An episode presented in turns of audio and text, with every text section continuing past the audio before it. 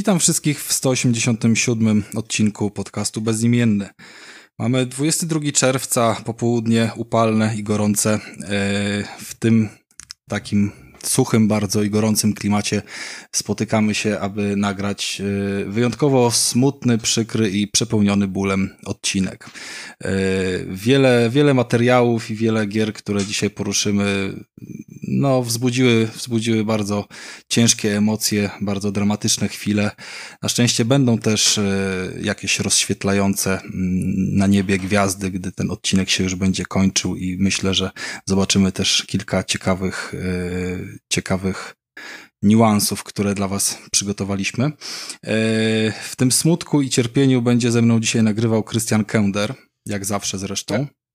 E, dzień dobry. Słuchajcie, no w Anglii nie jest tak gorąco, więc u mnie jest całkiem w porządku. Ja mam 13 stopni. Możecie mi zazdrościć. Hej. No i będzie ze mną również nagrywał Michał Stiller. Witam wszystkich. U mnie 12, więc przebijam Krystiana. No więc wychodzi na to, że tylko ja się tutaj gotuję.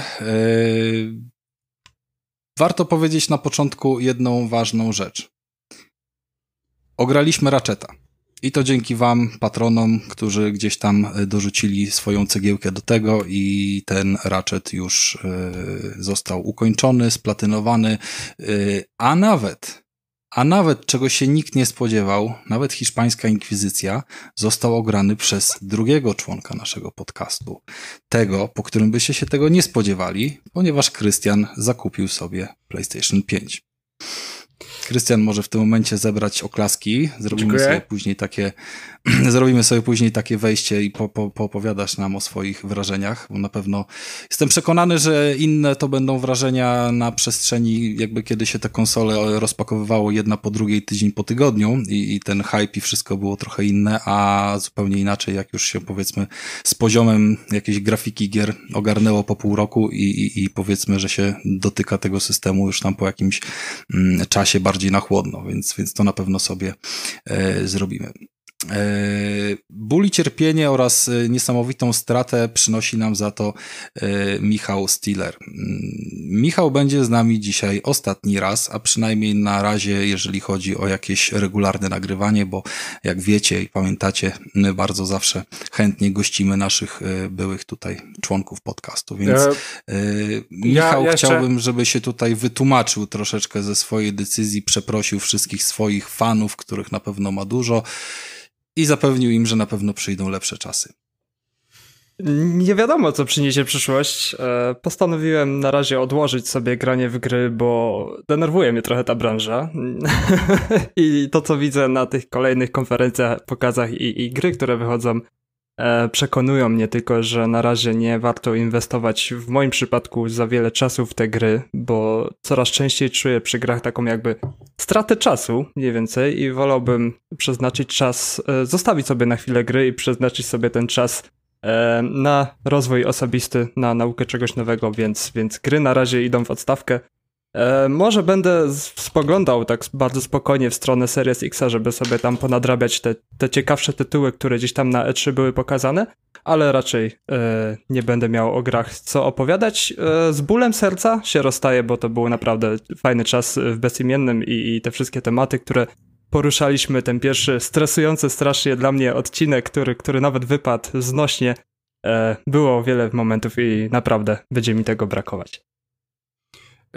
Ja jeszcze chciałbym dodać, e, Michał, e, Michał, pamiętasz pierwszy swój odcinek u nas? Mhm. Jeszcze Czy? jak, nie zapomnę go nigdy. To był 142? Dokładnie, a pamiętasz kiedy? E, wrzesień 2019. 17, dokładnie tak. To przez to e... potrzebujesz daty ca cały czas. E, nie, bez przesady, ale ja sobie też to wszystko notuję, to, też sobie to wszystko zapisuję. No cóż, ja mam nadzieję, że będziesz wpadał do, do nas tak często, jak wpadał do nas Wojtek. O, to by było naprawdę bardzo fajnie. Czyli w ogóle. Nie no, Wojtek ile razy był? Trzy, no. razy w roku. Wojtek zagląda trzy razy w roku na premierę Cyberpunka i tego typu duże wydarzenia. Zawsze jesteśmy trochę tam o e-sporcie nam popowiada i ty też było. nam popowiadasz. Mamy za chwilę premierę nowego y, F1 2021 i jakkolwiek byś gier nie odstawiał, to wiemy doskonale, że i tak w to będziesz grał. Jak wy znacie. I sobie kupisz na premierę. No oczywiście, że cię znamy. No. W każdym razie y, Michał z nami jeszcze będzie dzisiaj cały dzień nagrywał. Y, nie popełniajcie tego błędu, co Michał i jeżeli smuci was granie, sprawia dużo przykrości, po prostu nie odczuwacie już radości, nie bójcie się, kupcie PlayStation 5, tam są naprawdę dobre gry. Jeśli się da o kupić. Tym, o tym to, to ja będę mówił, spokojnie, o tym to ja zaraz wam wszystkim dobra, kurwa powiem. Dobra, spokojnie. E, ale po tej smutnej chwili mamy dla Was też yy, coś nowego, coś świeżego, coś przyjemnego, miejmy nadzieję. Yy, rzekłbym, że nawet yy, prezent świąteczny.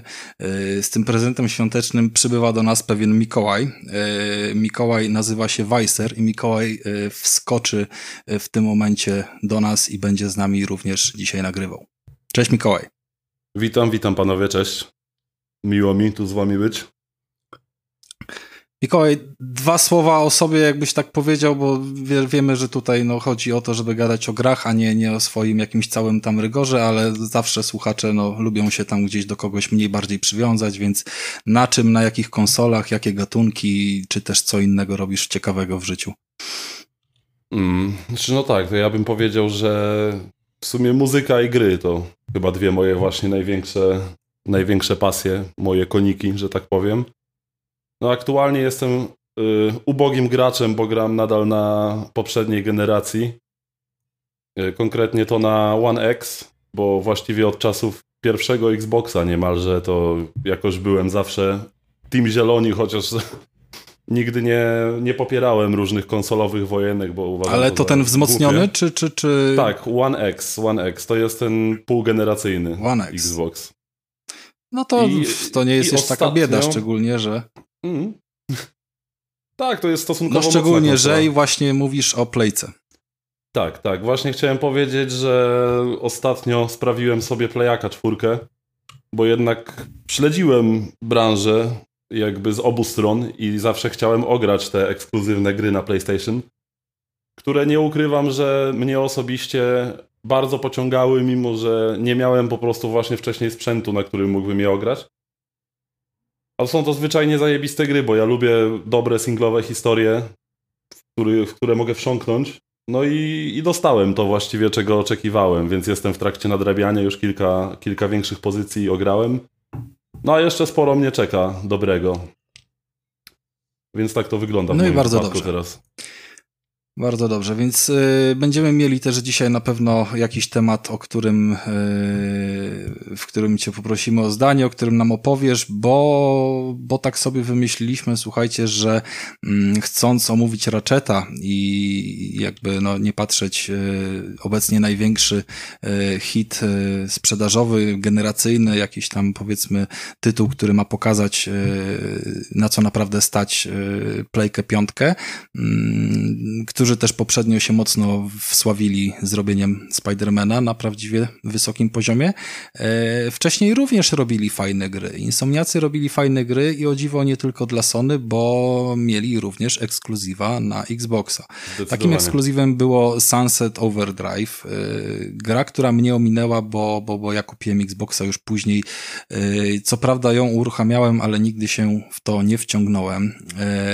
Z tego co wiem, Krystian tak samo, bo on Xboxa kupił nawet jeszcze po mnie i okazuje się, że y, na dwa głosy będziemy mieli prawdopodobnie y, Mikołaja i wydaje mi się, że Michała też y, do obsługi tegoż tytułu w tym momencie opowiedzą nam, czym jest Sunset w takim trochę skrócie, żebyśmy wiedzieli, jak się nastawiać na, na te twory insomniaków, co oni dobrego potrafią robić.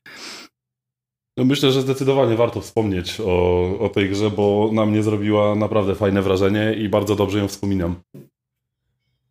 To jest gra w sumie, do której chciałem wrócić, ale nigdy mi się nie udało i to było dawno temu, kiedy w nią grałem. Mhm. Tak, to ona miała premierę bodajże w 2014 roku, w październiku, czyli właściwie to była premiera chyba wtedy właśnie obecny już poprzedniej No to było generacji. zaraz na początku konsoli, dokładnie. Tak, to tak, był jeden z pierwszych... Był, dokładnie, to był jeden z pierwszych tytułów ekskluzywnych na Xbox One. I według mnie przy odpowiednim projekcie bebechy konsoli nie mają większego znaczenia, bo ta gra wyglądała obłędnie. Po prostu sam, sam, samo wymodelowanie tej gry, to jak ona była zaprojektowana, cała kolorystyka, właśnie modele architektury, drzew, postaci. Y, no dobra, taki... ale, ale yy, ja pamiętam z krótkiego włączenia tej gry tak naprawdę to, że się biegało po mieście i strzelało. E, przy czym to bieganie po mieście to było raczej mały wycinek tego miasta oraz, że się skakało dużo w klimacie, nie wiem, parkurowym, jakichś tam slajdów po, po różnych rynnach, rurach i tak dalej. Mm -hmm. No wiadomo, dynamika rozgrywki. Jakby, ale całej gry nie wiem, nie wiem jak jest skonstruowane, nie wiem jakie mają inne etapy o co tam w zasadzie chodzi poza tym, żeby biegać i strzelać? Jakby ta konstrukcja czymś się wyróżnia. To znaczy, tak jak powiedziałeś, właśnie dobrze, że użyłeś słowa biegać, bo w tej grze właściwie nie, nie chodzi o bieganie tak naprawdę, tylko cała mechanika i walki, i poruszania się yy, opiera się na przebywaniu w powietrzu, tak naprawdę. W momencie, kiedy dotykasz ziemi i biegasz, kończy ci się licznik combo, który uruchamia jakieś tam specjalne zdolności, dodatkowe efekty przy skoku, przy strzale i tak dalej. Czyli jakby od tej gry, jeśli będzie się do niej podchodzić jak do zwykłego shootera po prostu, że biegam i strzelam do przeciwników, ona może się okazać bardzo miałka i wręcz śmiesznie łatwa, bo ma trochę taki dosyć agresywny system autonamierzania. Te bronie mocno nakierowują celownik na przeciwników. Natomiast no bo zakładają, clue... że jesteś w powietrzu pewnie. Tak, tak, zgadza się, dokładnie. I całym clue zabawy jest yy, kreatywne wykorzystanie otoczenia. Czyli powiedzmy przez pierwsze 4-5 godzin, jak grałem w tę grę, w kampanię, miasto nie jest duże, ale to jest dość takie wertykalne. Można, że tak powiem, w pionie przyjemnie się po nim poruszać. I przez pierwsze 4 albo 5 godzin gry miałem takie, no spoko. Fajnie wygląda, jest fajny klozetowy humor, o czym jeszcze wspomnę. Natomiast w pewnym momencie coś w moim mózgu po prostu zaskoczyło i ja zacząłem sobie w wyobraźni rysować takie kolorowe strzałeczki, którędy, po, po, których linach wysokiego napięcia ja teraz się prześlizgnę, którego drążka się złapie, żeby wskoczyć i odbić się od dachu od parasola, a potem zeskoczę na ulicę i gruchnę w ziemię w samochód, żeby powalić kilkunastu przeciwników. Nie? Fantastyczny system poruszania się. I jak widać, Insomniak potrafi robić takie rzeczy, bo później pokazali, jak należy zrobić bujanie się na linach w Spider-Manie. Więc widać, no właśnie goście... o to cię chciałem zapytać, czy na ile uważasz, że to doświadczenie przy Sunset Overdrive yy, wpłynęło na, na, na model potem poruszania się po linach i, i samej walki w yy, pająku, bo mm, co tu dużo nie mówić, no na PS3 też był Spider-Man, który też zasadniczo całkiem wyglądał fajnie, jeżeli chodzi o to poruszanie, mm -hmm. ale mimo to nie, nigdy nie był grą 10 na 10. Nie był, nie był, to prawda. Natomiast tak jak powiedziałeś, yy, przynajmniej w mojej opinii, to co oni zrobili przy Sunset Overdrive to miało niebagatelny wpływ właśnie na to, jak wyglądał później Spider-Man. Yy, nie jestem co do tego przekonany, ale wydaje mi się, że to jest nawet ten sam silnik. Właściwie, że to jest ich autorski, autorski silnik, na którym oni obie te gry zrobili.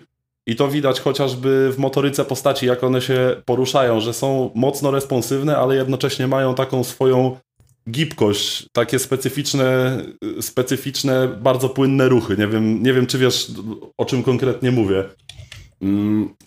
I właśnie to poruszanie się, co prawda tam nie było bojania się na linach, ale tak samo jak w Spider-Manie, ogromną frajdę sprawiało to, jeśli udało ci się, powiedzmy, przez połowę miasta prześlizgnąć, nie dotykając praktycznie ziemi, tylko odbijając się od otoczenia, biegając po ścianach, ślizgając się na butach po liniach wysokiego napięcia czy po barierkach.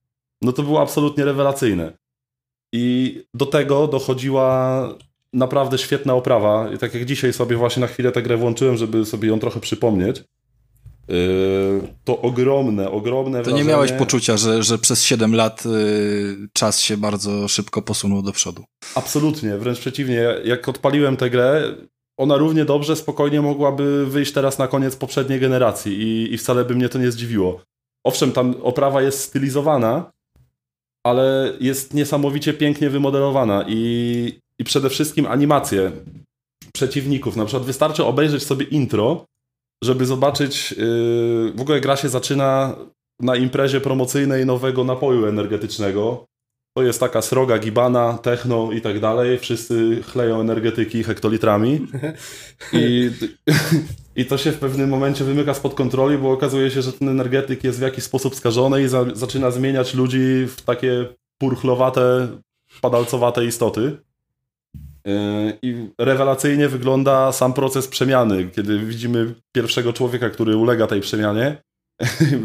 Mi się pucha cieszyła niesamowicie, jak widziałem, kiedy purchle tego pomarańczowego płynu wykwitają z ich ciał, jak ich wykręca, rozrywa na nich ubrania, no to naprawdę warto zobaczyć, bo to jest kawał dobrej animacji. I, i takie śmieszne detale, typu przeciwnik, który eksploduje swoją pomarańczową juchą, kiedy powiedzmy wysadzimy go, to z tej juchy układa się na przykład napis bang, taki komiksowy, nie? I, po, I rozlewa się w powietrzu po prostu ten napis. Są takie mocno komiksowe właśnie zagrania, dużo burzenia czwartej ściany. Jest y, mnóstwo momentów, kiedy gra zwraca się bezpośrednio do gracza i narrator mówi graczu, wiesz już wszystko, a teraz nie spierdol tego. Te, tego typu właśnie zagrywki się tam zdarzają. Trochę mi się to kojarzyło z Deadpoolem starym, gdzie właśnie było dużo tego burzenia czwartej ściany. Ogólnie warto zagrać. Mówię, no ciężko mi by było tutaj w te kilka minut wyczerpać temat, bo jest dużo humoru i koniecznie grać po angielsku, bo polski dubbing jest fatalny w tej grze. Jest straszny. Jest cringe'owy strasznie. Strasznie cringe'owy. Ojej.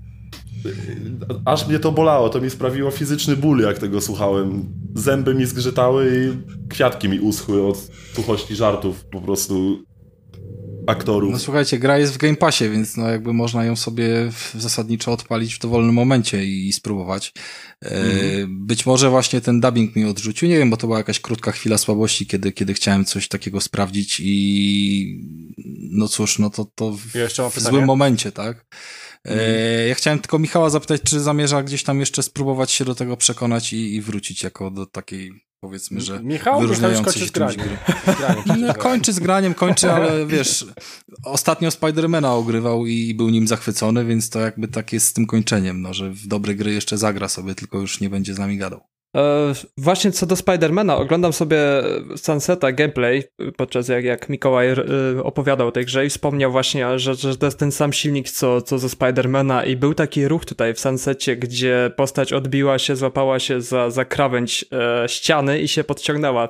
To jest jeden do jeden animacja tak. ze Spidermana, więc Mając Dokładnie tego tak. gdzieś Spidermana e, z tyłu głowy, to Sunset Overdrive jest tak bardzo Spidermanem teraz. Nie zauważyłem tego wcześniej i jak, jak sobie bym zaczął od początku, to bym miał takie flashbacki ze Spidermana, więc ciekawy tytuł. Tak. Ja, ja go naprawdę pozytywnie wspominam, oprócz tego e, właśnie polskiego dubbingu, który był cringe'owaty, e, to, to bardzo mnie kupiło ten klimat taki punk rockowy bardziej. E, taki tak, Tony Hawkowy. No dokładnie, dokładnie, taki punk rock. No i, i te łamanie czwartej ściany, gdzie nawet postać potrafi się odwrócić i złapać za kamerę i powiedzieć coś do gracza, więc, więc to jest, w każdej grze mnie to kupuje. Tak, i jeszcze jedna przezabawna sytuacja mi się właśnie w tej grze przydarzyła, kiedy w pewnym momencie nie wiem, trudno tutaj w sumie właściwie o spoilery w grze, która przeszła bez większego echa tak naprawdę, ale y, była, była taka scena, kiedy bohaterowie próbowali odlecieć takim domowymi sposobami zbudowanym helikopterem i ten helikopter rozbija się o niewidzialną ścianę wokół tego miasta, która się zaświeciła na pomarańczowo i nad całym miastem wyświetlił się jebitny wielki napis Invisible Wall. Po prostu to było rewelacyjne. No mnie, mnie takie rzeczy zawsze w grach kupują, tak jak ty powiedziałeś, właśnie takie burzenie czwartej ściany, gdzie gra jest absolutnie samoświadoma i bawi się tym i wykorzystuje to, żeby budować swój gameplay właśnie w wielu, w wielu kwestiach. Ja mam, e, ja mam Mikołaj jeszcze do Ciebie pytanie, czy, bo znalazłem gdzieś tutaj w minusach, że gra jest za łatwa. Czy ta gra faktycznie była łatwa? Sama się przechodziła? E, mm. Dużo tam ginąłeś? Pamiętasz? No ja wiem, że to było dawno, ale... E, Trudno mi powiedzieć, że ona była za łatwa. Nie pamiętam, czy tam w ogóle jest wybór poziomu trudności. Natomiast ta gra bardzo zyskuje, kiedy gracz sam, sam sobie trochę stawia pewne wyzwania. Na przykład próbuje podbić ten licznik combo jak najwyżej, żeby robić to w jak najbardziej widowis widowiskowy sposób, żonglować brońmi i, i można sobie bardzo fajnie samemu właśnie robić, robić wyzwanie w tej grze. Prawdopodobnie ona, owszem, kiedy po prostu przesie do przodu po jak najmniejszej linii oporu, ona może być za łatwa, owszem, bo tak jak wspominałem o tym agresywnym autonamierzaniu, które mocno przykleja się do przeciwników, yy, przeciwnicy giną stosunkowo łatwo, za to yy, jest ich dużo. Oni nadrabiają raczej liczebnością, ci przeciwnicy, bo nieraz naprawdę walczy się z kilkudziesięcioma tymi stworkami i pierdolnięcie baseballem w ziemię, kiedy oni wszyscy odlatują w fontannach pomarańczowej juchy, to robi niesamowitą frajdę, niesamowitą satysfakcję sprawia. Ale warto ginąć, Dobra, bo jest jeszcze... ciekawa animacja odrodzenia, tak, więc, więc warto dokładnie. ginąć. Dokładnie. To chciałem powiedzieć właśnie, że w tej grze warto czasem zginąć, bo te animacje są rewelacyjne, kiedy bohater wyjeżdża, spada z nieba w toj-toju, albo tego typu właśnie wspaniałe, super śmieszne okay. rzeczy. Jeszcze, jeszcze chciałem powiedzieć jedną rzecz, że e, nie wiem, czy wiecie, ale ta gra ma coś wspólnego z naszym podcastem. Eee, otóż główny bohater jest bezimienny. Dokładnie, tak. Wspaniała Potem... uwaga. A propos właśnie bohatera, który jest bezimienny. Czy tam jest jakaś historia? W sensie... Tak, mm, tak. Tam fabularnie... jest fabuła. Fabuła jest oczywiście głupia do granic możliwości, ale na każdym kroku widać, że to jest celowa głupota tej fabuły, że że to wszystko idealnie siedzi w tej konwencji takiego klozetowego, absurdalnego humoru świata, w którym szybka podróż wygląda w taki sposób, że bohater wali na hejnał tanie wino i budzi się w innym miejscu w mieście po prostu. Gdzie to po prostu w tej konwencji sprawdza się rewelacyjnie. Y, jest taka trochę historia o walce z korporacją i jest kilka fajnych walk z bossami po drodze, dobrze usprawiedliwionych fabularnie. I jakby głównym twoim celem jest wydostać się z tego miasta, bo ono jest objęte wojskową kwarantanną, znaczy wojskową, to są wojska tej korporacji, która jest odpowiedzialna za tego energetyka, yy, którego promocyjna impreza zaczęła całą tę apokalipsę. Czadokalipsę, jak to nazywali to w tej grze. Yy, I tak, tam jest jakaś historia, ona jest, tak jak powiedziałem, dosyć pretekstowa, ale śledzi się ją na tyle przyjemnie i ona na tyle dobrze gra w tej absurdalnej konwencji, że mnie osobiście się to bardzo podobało. Mnie to w sumie też zachęca. I Insomniaków bardzo lubię, chętnie poznam. To jest w sumie taka ciekawa rzecz na rynku, że jak mamy jakąś y, fajną grę od y, twórców, czy to jest CDEP, czy to jest Insomniak, czy to jakieś inne ciekawe ciekawi twórcy, to dostarczają nam jakieś hity, no to tak naprawdę przekonujemy się na tych hitach, czy na Spider-Manie, czy na Ratchetie, że, że może coś tam jeszcze ciekawego innego było w ich dorobku i, i właśnie Sunset jest takim tytułem, szczególnie dla kogoś, kto Xboxa właśnie sobie e, kupił dopiero rok czy dwa lata temu. Zgadza tym, bardziej, tym bardziej, Rafał, że masz dobrego laptopa i byś mógł sobie PC-ową wersję z Game Passa, która jest bardziej odświeżona, sobie łyknąć na luzie. Tak, tak. Mm, Okej, okay, to też ładna. jest ciekawe. Też jest ciekawe. Znaczy, jeszcze... przyznaję, że mnie nie zachwyciła, jak ją odpalałem, ale ja nie pamiętam nawet, czy ją odpalałem jeszcze na mm, starym Xboxie, czy na, yy, czy na Series X już, aczkolwiek no tam się żadnego patcha nie spodziewam, poza ewentualnie jakimś tam podbiciem rozdziału. FPS boostem, dokładnie. Mm.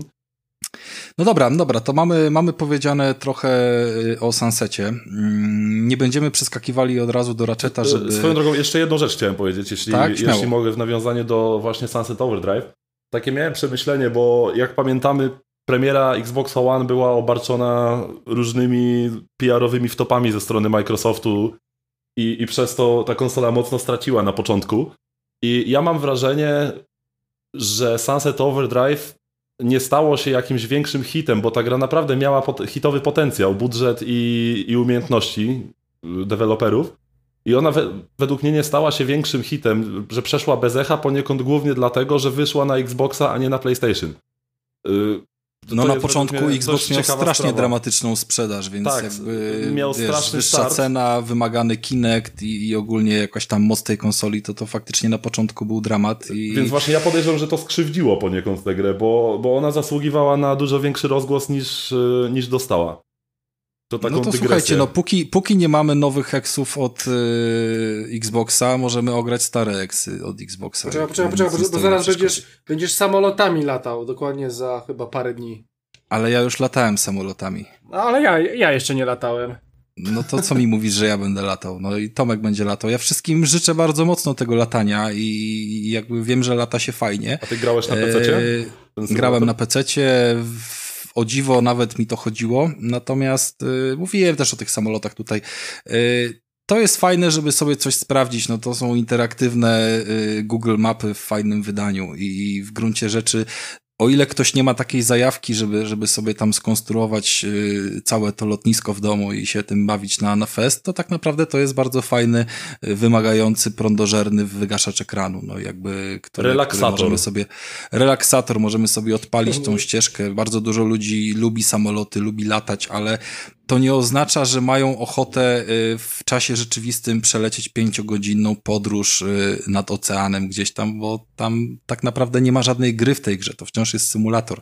Tam mm. nie ma wyzwań, nie ma czegoś takiego, no jakby fajnie jest polecieć sobie po znajomych miejscach albo kilku rzeczach y, fajnych na świecie, zobaczyć co tam się dzieje. Tym bardziej, że oni poprawiają te mapy i, i widziałem tam sporo aktualizacji w konkretnych mm, miastach, że, że to się wydaje, ale też też widać, e, jak się szczególnie polata nad Polską, e, jak pracuje algorytm, który tworzy budynki z płaskiej mapy, która gdzieś tam jest z zdjęć satelitarnych zrobione pewnej, e, w pewnym stopniu to jest chyba generowane proceduralnie, z tego co ja wiem, prawda? To jest w bardzo dużym stopniu generowane proceduralnie, poza nielicznymi budynkami, które są wklejone w całość. Więc przykład centrum e, Warszawy z Pałacem Kultury, który wygląda po prostu jak wklejony tam na żywo, Aha. E, a dookoła nie ma, słuchajcie, praktycznie nic. Nie ma wieżowców, które są dookoła, nie mhm. ma Mariota, nie ma dworca centralnego, nie ma mm, galerii ogromnej, która jest obok, nie wspomnę o najnowszych jakichś tam wieżowcach, które tam dalej. powstały. Po prostu jest płasko dookoła, jakieś takie kamienice i tak dalej. I, I tak to niestety wygląda i po prostu no kwestia algorytmu, który gdzieś tam widzi dach, to sobie go po prostu wyciąga w górę. Mm, no tak to wygląda. Na pewno super będzie efekt, jak polatać sobie gdzieś można nad Nowym Jorkiem, pobawić się w World Trade Center, gdzieś tam, wiecie, przypierdolić.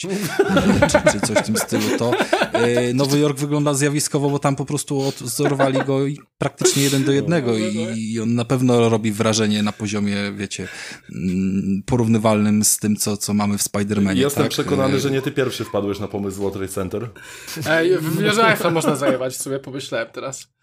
Mo, można wiele rzeczy na jest pewno zajebać i to jest, taki, to jest taki symulator szkoleniowy. Ja myślę, że tam jest, wiecie, do, dobrze się to z Game Passy będą sprzedawały w, w Afganistanie. Teraz, Yy, znaczy, żeby nie było symulacyjna część, ja odpalałem to na autopilocie.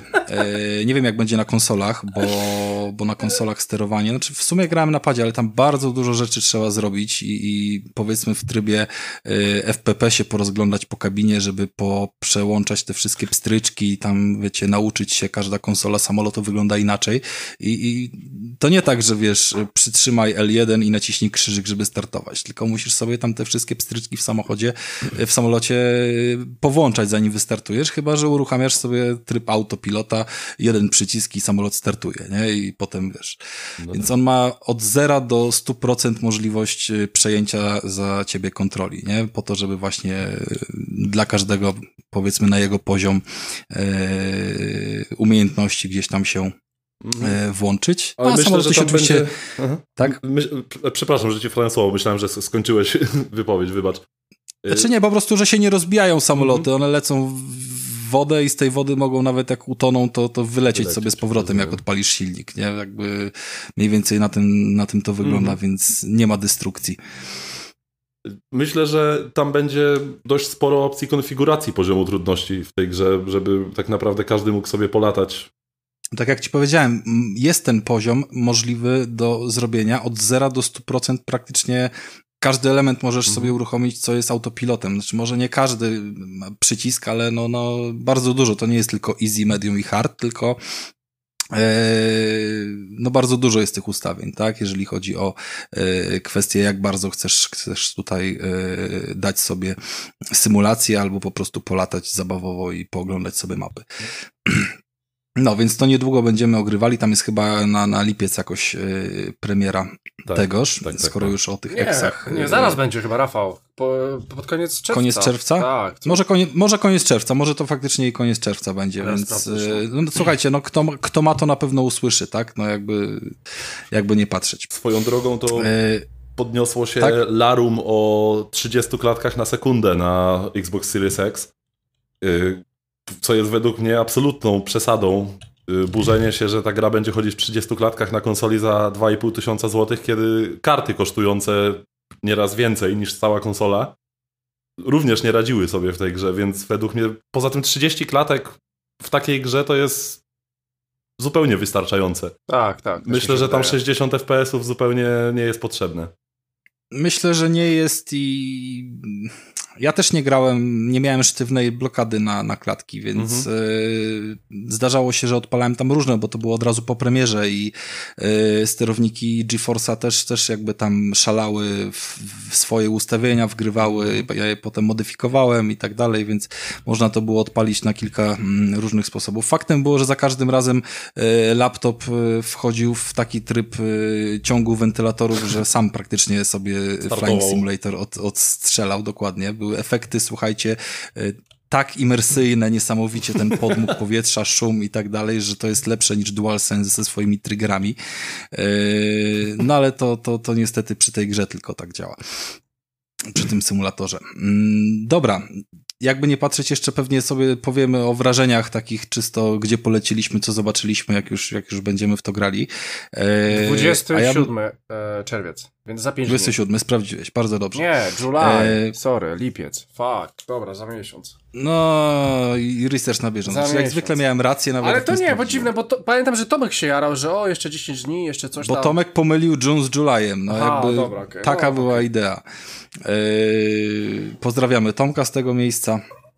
Może też do nas wpadnie czasem, jak, jak nie będzie Michała i będzie takie, wiecie, tutaj... Michała i tak nie E, będzie, i zamy- tak nie będzie, więc... No Michała i tak nie będzie, ale wiesz, będzie, będziemy pewnie gdzieś tam się odzywać. Mm, Co by nie było. Ja wam chcę teraz powiedzieć o jednej grze, bo obiecałem wam dużo bólu, cierpienia, smutku i, i, i wstydu y, z formy, w jakiej spędzamy swój czas, więc właśnie o takiej grze wam opowiem. E, Odpaliłem sobie coś takiego.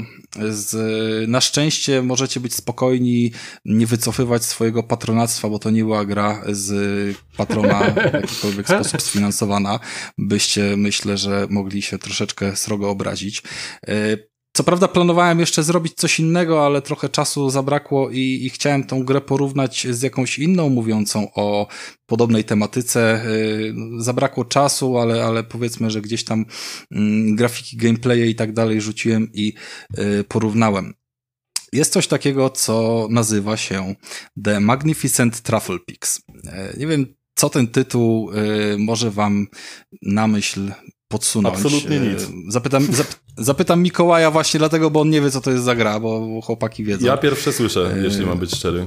Nie mam pojęcia, co to jest za gra. Dobra, mamy, mamy, mamy do czynienia tutaj, słuchajcie, z, z symulatorem wykrywacza metalu. Gościa, który wyszukuje, yy, jakby, no, chodzi sobie z wykrywaczem metalu. No tak to wygląda. Yy, Jest jakaś fabuła i to jest ogólnie zrobione przez zespół, który pracował nad Firewatchem, więc yy, to tam co by nie było, tak przynajmniej słyszałem, nie? Ale co by nie było, to, to jest tam kolejny symulator y, chodzenia z jakąś historią i, i, i w ogóle. E, nie byłem w stanie przejść tej gry, jakby od razu, od razu wam to mówię, nie jestem samobójcą, nie jestem, nie mam, nie mam aż tak smutnego życia. Powiem wam, jak wyglądał początek tej gry. Postaram się powiedzieć to jakby w, w zgrabniejszy i szybszy, krótszy sposób e, niż e, ten ból i cierpienie, który ja musiałem przeżywać. To wyglądało mniej więcej tak, że mm, jakaś tam jest scenka, której oczywiście nie możemy przewijać musimy całego dialogu e, wysłuchać, więc słuchamy tego nudnego dialogu, który no jakaś laska prosi swojego starego przyjaciela, żeby gdzieś przyjechał i coś jej pomógł. No więc koleś pewnie licząc na ruchanie wsiada w samochód i tam przyjeżdża. E, no i budzimy się w szopie, my jesteśmy tym kolesiem. E, ona dalej do nas gada przez jakąś krótkofalówkę, no ale jej kurwa tutaj nie ma. No więc jakby już się czujemy wychujani na dzień dobry. E, zabieramy krótkofalówkę, jakąś tam łopatkę, jedną dużą, drugą małą, czyli szpadelek i, i saperkę powiedzmy. No i ten nasz wykrywacz metali. No i idziemy na pole. No i słuchajcie, idziemy sobie bardzo powoli, bo po co mamy biegać? Nie, chodzimy bardzo powoli, więc już frustracja nas y, jakaś tam dopada. Jest oczywiście widok FPP, więc trzymamy cały czas sobie strzałeczkę do przodu, myszką sterujemy, y, gdzie nasz bohater ma patrzeć. Co jebane 10 sekund, laska do nas dzwoni. A ty pamiętasz, kurwa, jak mieliśmy 5 lat i siedzieliśmy gdzieś tam sobie pod, pod kocem. Ty, no dobra, tak, tak, okej, okay, wszystko przeklikać. Dobra, poszło. Yy, no idziemy dalej, dochodzimy prawie na te pole, dzwoni znowu. A tutaj stoi twój samochód, nie wiadomo o co chodzi, wiecie, no jakieś tam pierdolety. Dobra, doszliśmy na to pole, włączamy nasz e, wspaniały e, wykrywacz metali, robimy to przyciskiem E. Słuchajcie, grałem w tą grę dwa tygodnie temu. Przedstawię Wam teraz model rozgrywki, który trwał 15 minut. Włączamy przyciskiem E wykrywacz metalu. Trzymamy strzałkę do przodu. Kierujemy sobie przed siebie myszkę, żeby nam szedł w jakąś tam linię, powiedzmy, po tym polu, na którym jesteśmy. Idziemy. W pewnym momencie zaczyna pikać. Radar nam pokazuje, czy trochę mamy skręcić w prawo czy trochę lewo i dochodzimy do miejsca.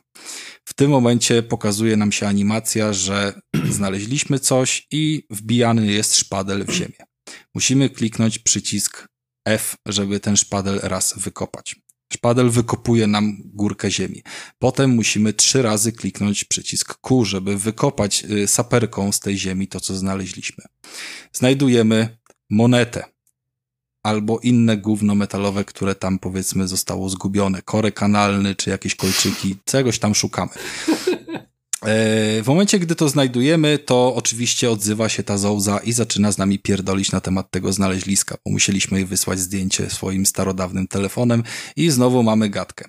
Po tej gadce podnosimy z ziemi odłożony przypadkiem e, wykrywacz metalu, klikamy E i zgadnijcie co, idziemy dalej. Niespodzianka.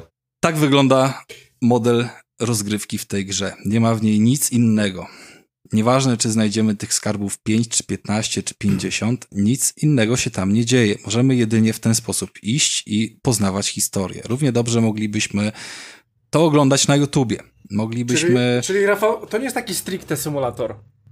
To jest, y, to nie jest symulator y, w żaden sposób y, poszukiwacza skarbów, czy, czy jakichś takich, wiecie, ciekawych rzeczy, które się od razu nam w ten sposób wymyślają. Jak to sobie wyobrażałem, że wiecie, że, że będziemy mm, gdzieś tam latać po plaży albo plaży, w różnych miejscach, o, na różnych tak. mapach, znajdywać jakieś rzeczy, czasem mniej, czasem bardziej wartościowe. Jak znajdziemy te bardziej wartościowe, to je sprzedamy, kupimy sobie jakieś tam ulepszenia do sprzętu, wiecie, jakieś drzewko, powiedzmy tam z większą mocą, z lepszym radarem, z silniejszą łopatą, cokolwiek tam by mogło tutaj być, no kurwa, zrobić drzewko umiejętności do tego, żeby szybciej, lepiej potem chodzić, nie wiem, lepsze buty, żeby szybciej biegał, kurwa, cokolwiek, przecież to jest, można zrobić z tego śmieszną grę i fajną, nie? No. Y, jakieś nagrody, jakiś system, cokolwiek, a tutaj każde znaleźlisko jest karą, kurwa, bo przecież musimy jeszcze pogadać z tą pizdą. No i Najgorsze jest to, że jeszcze nawet, nawet jak nic nie znajdujemy, nawet jak specjalnie omijamy te, te co nam wyskakują, wiecie, yy, cholerstwa i, i żeby szybciej było do zakończenia mapy, to omijamy już te monety, to nieważne, to i tak nam się rozładują baterie w krótkofalówce albo w czymś tam i musimy wrócić po to, żeby wyjść znowu i tak naprawdę nawet nie ma nic, sceny ładowania, bycia w domku, nic, kompletnie nic. Nie wiem, może tam jest naprawdę coś jeszcze ukrytego, ale dla mnie to jest e. po prostu symulator chodzenia, w którym do tego symulatora chodzenia ktoś dołożył yy, powiedzmy, że wydmuszkę z mechaniki. To czuję się tak, jakbym kupił jajko z niespodzianką, ale nie oryginalne, tylko takie za 50 groszy, w którym y, zamiast zabawki jest karteczka z rysunkiem na przykład, nie? I mam sobie, kurwa, patrzeć na tą karteczkę i to jest moja Albo nagroda. sama ta skorupka, z y, której jest zabawka zazwyczaj. Albo e, sama skor samo skorów, wiesz co, nawet nie, bo skorupką jeszcze można się pobawić, można wsypać do niej, wiesz, proszek cokolwiek, sodę i tak dalej, proszek do pieczenia, rozkurwić, jakby super sprawa. To, to są najlepsze w ogóle zabawki, ale nie, tam nie ma tej zabawy. To mm. jest, y, to jest po prostu karygodne. Czy ja jestem ogromnym przeciwnikiem symulatorów chodzenia. Uważam, że jak ktoś ma do powiedzenia historię, to albo robi ją y, w ciekawej grze i potrafi to zrobić, albo nie robi tego w grze i robi po prostu film albo animację. A tu mam no, pytanie. Prostu... Ja Tak, słucham. E, No. Bo powiedziałeś, że to jest... Chcesz przedłużać tą cierpienie i tak, tą tak, agonię. cię Dobrze, słucham. jeszcze chwilkę. E, Powiedz mi, ty powiedziałeś, że to jest twórców Firewatcha, prawda? Wiesz co, Tak, ale poczekaj, nie poczekaj, samego... e, bo ja to sprawdziłem, twórców dokładnie, to jest twórców Firewatcha i Gone Home. Gone Home. E, To, o tym słyszałem. no, stu, ale no, bo- no, bo to było dobre, to, to było To dobre. właśnie- Firewatch w sumie też dobry. Tak, właśnie dlatego się zdziwiłem, dlatego się zdziwiłem tym, co powiedziałeś, bo jakby z tego, co wiem, jakby nie ogrywałem Firewatcha, ale z tego, co, co słyszałem o, o tej grze, raczej ona jest ciepło wspominana przez ludzi i właśnie historia, śledzenie tej historii było jedną z jej najmocniejszych stron, dlatego tutaj dziwi mnie, że to jest y, aż taka kara właśnie słuchanie tych, y, tych dialogów i monologów. Znaczy wiesz, no jeżeli nie można ich przewinąć, pomimo tego, że już się je przeczytało, Mhm. y, a jak one wyskakują, tak, i, i całe jest takie rozmulone, to to w żaden sposób nie zachęca.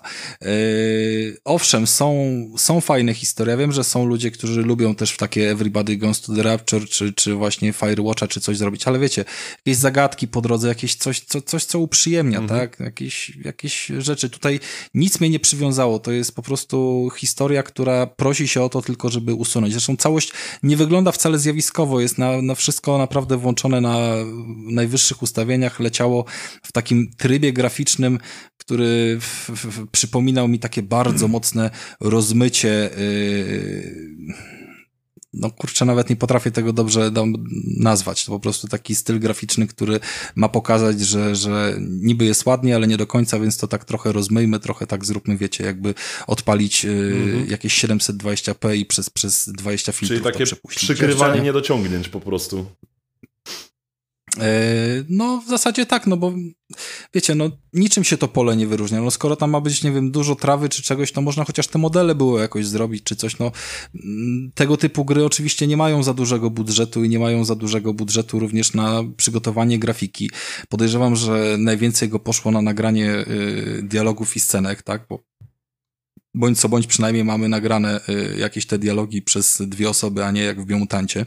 Y, ale no ale to jest też tak, że to jest zwyczajnie po prostu nudne. Jakby nic kompletnie nie jestem w stanie powiedzieć komukolwiek, y, żeby zachęciło do tego, że w to się fajnie pogra, że będziecie jakoś, jakąś mieli grywalizację, jakieś nagradzanie za cokolwiek i, i tak dalej. Tak przynajmniej Przynajmniej ta gra w żaden sposób o tym nie wspomina, nie mówi, nie zachęca y, od początku do końca y, mojej tam stosunkowo krótkiej przygody z nią. I nie uważam, że. Uważam, że po prostu na YouTubie byłoby mi prościej, bym sobie przewinął moment szukania i do kolejnego dialogu to poleciał, albo coś w tym stylu, bo może i te dialogi tam potem się rozwijają, może on spotyka tą laskę, może oddaje jej ten korek analny, nie wiem. Y, w każdym razie. W każdym razie nie zbudowało to po mnie dobrego wrażenia i owszem, w Firewatcha nie grałem, przyznaję się, bo, bo sam fakt tego, że to jest symulator chodzenia to ok, ale kurde, no Alan Wake też jest symulatorem chodzenia, Mhm. tak? Ja nie wiem, nie grałem. Michał grał chyba. Alan Wake Michał. symulatorem chodzenia? To ta druga gra, czekaj, była jakaś inna taka, może nie Alan Wake. Alan No, Wake to Rafał, była Rafał, gra akcji, to tam za wiele... Ho- ja nie wiem, czy horror jakiś tam, thriller, coś tam w ten deseń. No dobra, jaka była taka druga słynna gra o szukaniu chuja w śmietniku słynnym z formułogatki? Bo już mi się to pomieszało. No, chyba trochę. Nie, E, nie wiem, ja, ja tylko dodam, e, Rafale, że praktycznie. Blair e, Witch? dużo się nie- Nie, Blair Blair Witch to było od Bluebera. I, dobra, Coś tam looking for było. No dobra, nieważne. Mniejsza o to. Symulatory chodzenia może to nie jest najlepszy gatunek, ale ja chciałem poszukać skarbów. Skarbów się nie naszukałem. Jest nudno, jest niefajnie i jak chcecie, to sobie pomęczcie się na YouTubie. Ja nie chcę już dłużej o tej grze gadać. Krystian chce coś mi tylko powiedzieć. tak, chcę, chcę tylko powiedzieć, że ta gra jest na dwie godziny. Po dwóch godzinach się kończy. To tyle chciałem powiedzieć. Czyli jednak nie przeszedłem 10% tej gry, tylko 40%. No i zajebiście. To już jestem usatysfakcjonowany, że ta recenzja nie była z dupy. No. E, chciałem, słuchajcie, zakupić, e, ale szkoda mi było środków patronowych na to, e, bo 60 zł kosztowała i w żaden sposób nie było żadnej promki. Mm, inną grę z 2019 roku, która właśnie mówi o, o, o poszukiwaczu skarbów za pomocą mm, tegoż e, urządzenia, którym jest wykrywacz metalu. E, tak się nie stało, ale tą recenzję zamykam tym okienkiem, że może warto poszukać sobie tamtego tytułu. Treasure Hunter czy tam coś. No, dobra, to, to tyle ode mnie. Miejmy nadzieję, że dalsza część podcastu będzie już y, tylko przyjemniejsza. Y, I skoro mają to być przyjemne wrażenia, zobaczymy, czy przyjemne, czy jednak takie trochę nie bardzo. Krystianie, jak tam twoje nowe, ogromne pudło? Tak, e, to poczekajcie, zanim do tego dojdę, e, to jeszcze chcę wykorzystać Michała, w sumie po raz ostatni. E, słuchajcie, w ostatnim odcinku z Michałem chcieliśmy zrobić pewien interes na Twitchu. Bo Michał nie, nie, nie umie pływać, więc tak sobie pomyślałem, a może by go wcisnąć do basenu, ale no dobra, już damy mu spokój, nie umie pływać, to spoko. Ale mam, Michał, do ciebie inne pytanie. Mhm. Jak ci idziesz z szeptaniem? Tak, wiesz, do mikrofonu, tak do uszka, jakieś takie dziwne rzeczy. Może z tym jest trochę lepiej. Mm, a postawisz mi taki mikrofon z uszkami? Ale w ogóle widziałeś gdzieś taki mikrofon? Można coś takiego kupić? O, oczywiście, widziałem na, na Twitchu, że niektóre właśnie te, te ASMR streamy mają takie uszka. I Dokładnie. sobie zrobiłem kiedyś sesję na, na Twitchu, sobie usiadłem, zamknąłem oczy i to robi, naprawdę. Tylko tak? najgorsze jest to, że ktoś próbuje y, dźwięk głaskania twoich włosów robić a ja nie mam włosów i to było takie, a, że, że, że, ktoś głaszcze włosy, a ja nie mam włosów i to było takie dla mnie wow. a tak to jest mieć włosy. A, a, a możesz mieć to włosy? To się nazywa VR mhm. dopiero. Mogę, ale nie muszę. Możesz, ale nie musisz. Okej, okay, dobra. Okej, okay, dobra, więc, e, więc e, tak, słuchajcie, coś takiego jest na Twitchu teraz. E, po bas, bas, baseny się kończą. Ale to już było jest... dawno. Ja nie wiem, co ty odkryłeś. Aha, no dobra, no nie wiem, bo, bo teraz, bo ja, ja, wiesz, no Twitcha ogólnie nie korzystam z Twitcha, ale AS, ASMR wyszło, się teraz... zrodził jako chyba pierwszy, kiedy, pierwszy taki, taki boom mhm. na takie dziwne rzeczy, że ASMR wszedł razem z tym, jak Twitch się podzielił na te właśnie możliwości robienia czegoś innego niż gry. To ASMR się gdzieś tam pojawił, że, że było głaskanie uszek, szeptanie i, i tak dalej. Mhm. E, no okej, okay, więc e, to jest kolejny, e, to jest kolejny sposób na biznes. Dobra, słuchajcie, więc tak, słuchajcie, no nie, nie chciałem być gorszy od Rafała. Rafał cały czas mi zarzucał, że no jeżdżę na PlayStation 5, na gry, no ale no nie powinienem, bo nie mam. No to teraz mam i będę. E, słuchajcie, no, kupiłem tą konsolę chyba e, przede wszystkim ze względu na to, że Sony przy każdej konsoli traci pieniądze, więc chciałem po prostu, żeby straciło pieniądze. Dlatego kupiłem tą konsolę. Jestem szczęśliwym posiadaczem i wiem, że, że Sony straciło tam 50 dolarów czy 100, chuj mnie to obchodzi. E, no ale słuchajcie, no jest wielką kurwą. Naprawdę ta konsola jest ogromna. E, miałem dla niej specjalny specjalne miejsce obok telewizora, wiedziałem, że tam będzie stała ta konsola, ale jak ją postawiłem, to stwierdziłem, nie, ona jest kurwa za duża, nie będzie tam stała, musi stanąć gdzie indziej. E, jest większa niż po prostu myślałem. Jest ciężka, jest w chuj ciężka. E, no słuchajcie, e, pierwsze wrażenie jest takie, że no pad robi robotę. Faktycznie, no zabawa z tym padem jest fajna, zabawa z tym padem jest przyjemna, aczkolwiek Astrobot mnie nie przekonał do siebie, bo gra jest ogólnie dla mnie mech, ale już Ratchet, e, w Ratchetie się super tym grało. Ja nawet, e, ja nawet w poprzedniej PS4 bardzo lubiłem dźwięk, który wydobywał się z pada, a tutaj on został pogłębiony, plus doszły naprawdę fajne efekty tego wibrowania na miliardy sposobów e, w tym padzie, no i to robi robotę. Zresztą będziemy mówić o Ratchetie, to się dowiecie e, o fajnych rzeczach, które tam ma. E, no ja co... się teraz wtrącę, bo będę no. robił takie wcinki. Nie chcę zabierać Krystianowi. Oczywiście, tutaj, że nie chcesz. Nie, nie, nie, za, mało chcę, nie chcę, mówiłeś, no mów. Nie, ja w żaden sposób nie chcę zabierać Krystianowi y, prawa do, do tutaj y, skomentowania całej konsoli, ale my sobie oczywiście na żywo też komentowaliśmy wszystko między nami i Powiem wam tak, pierwsze wrażenie było takie, ale ten DualSense jest ciężki.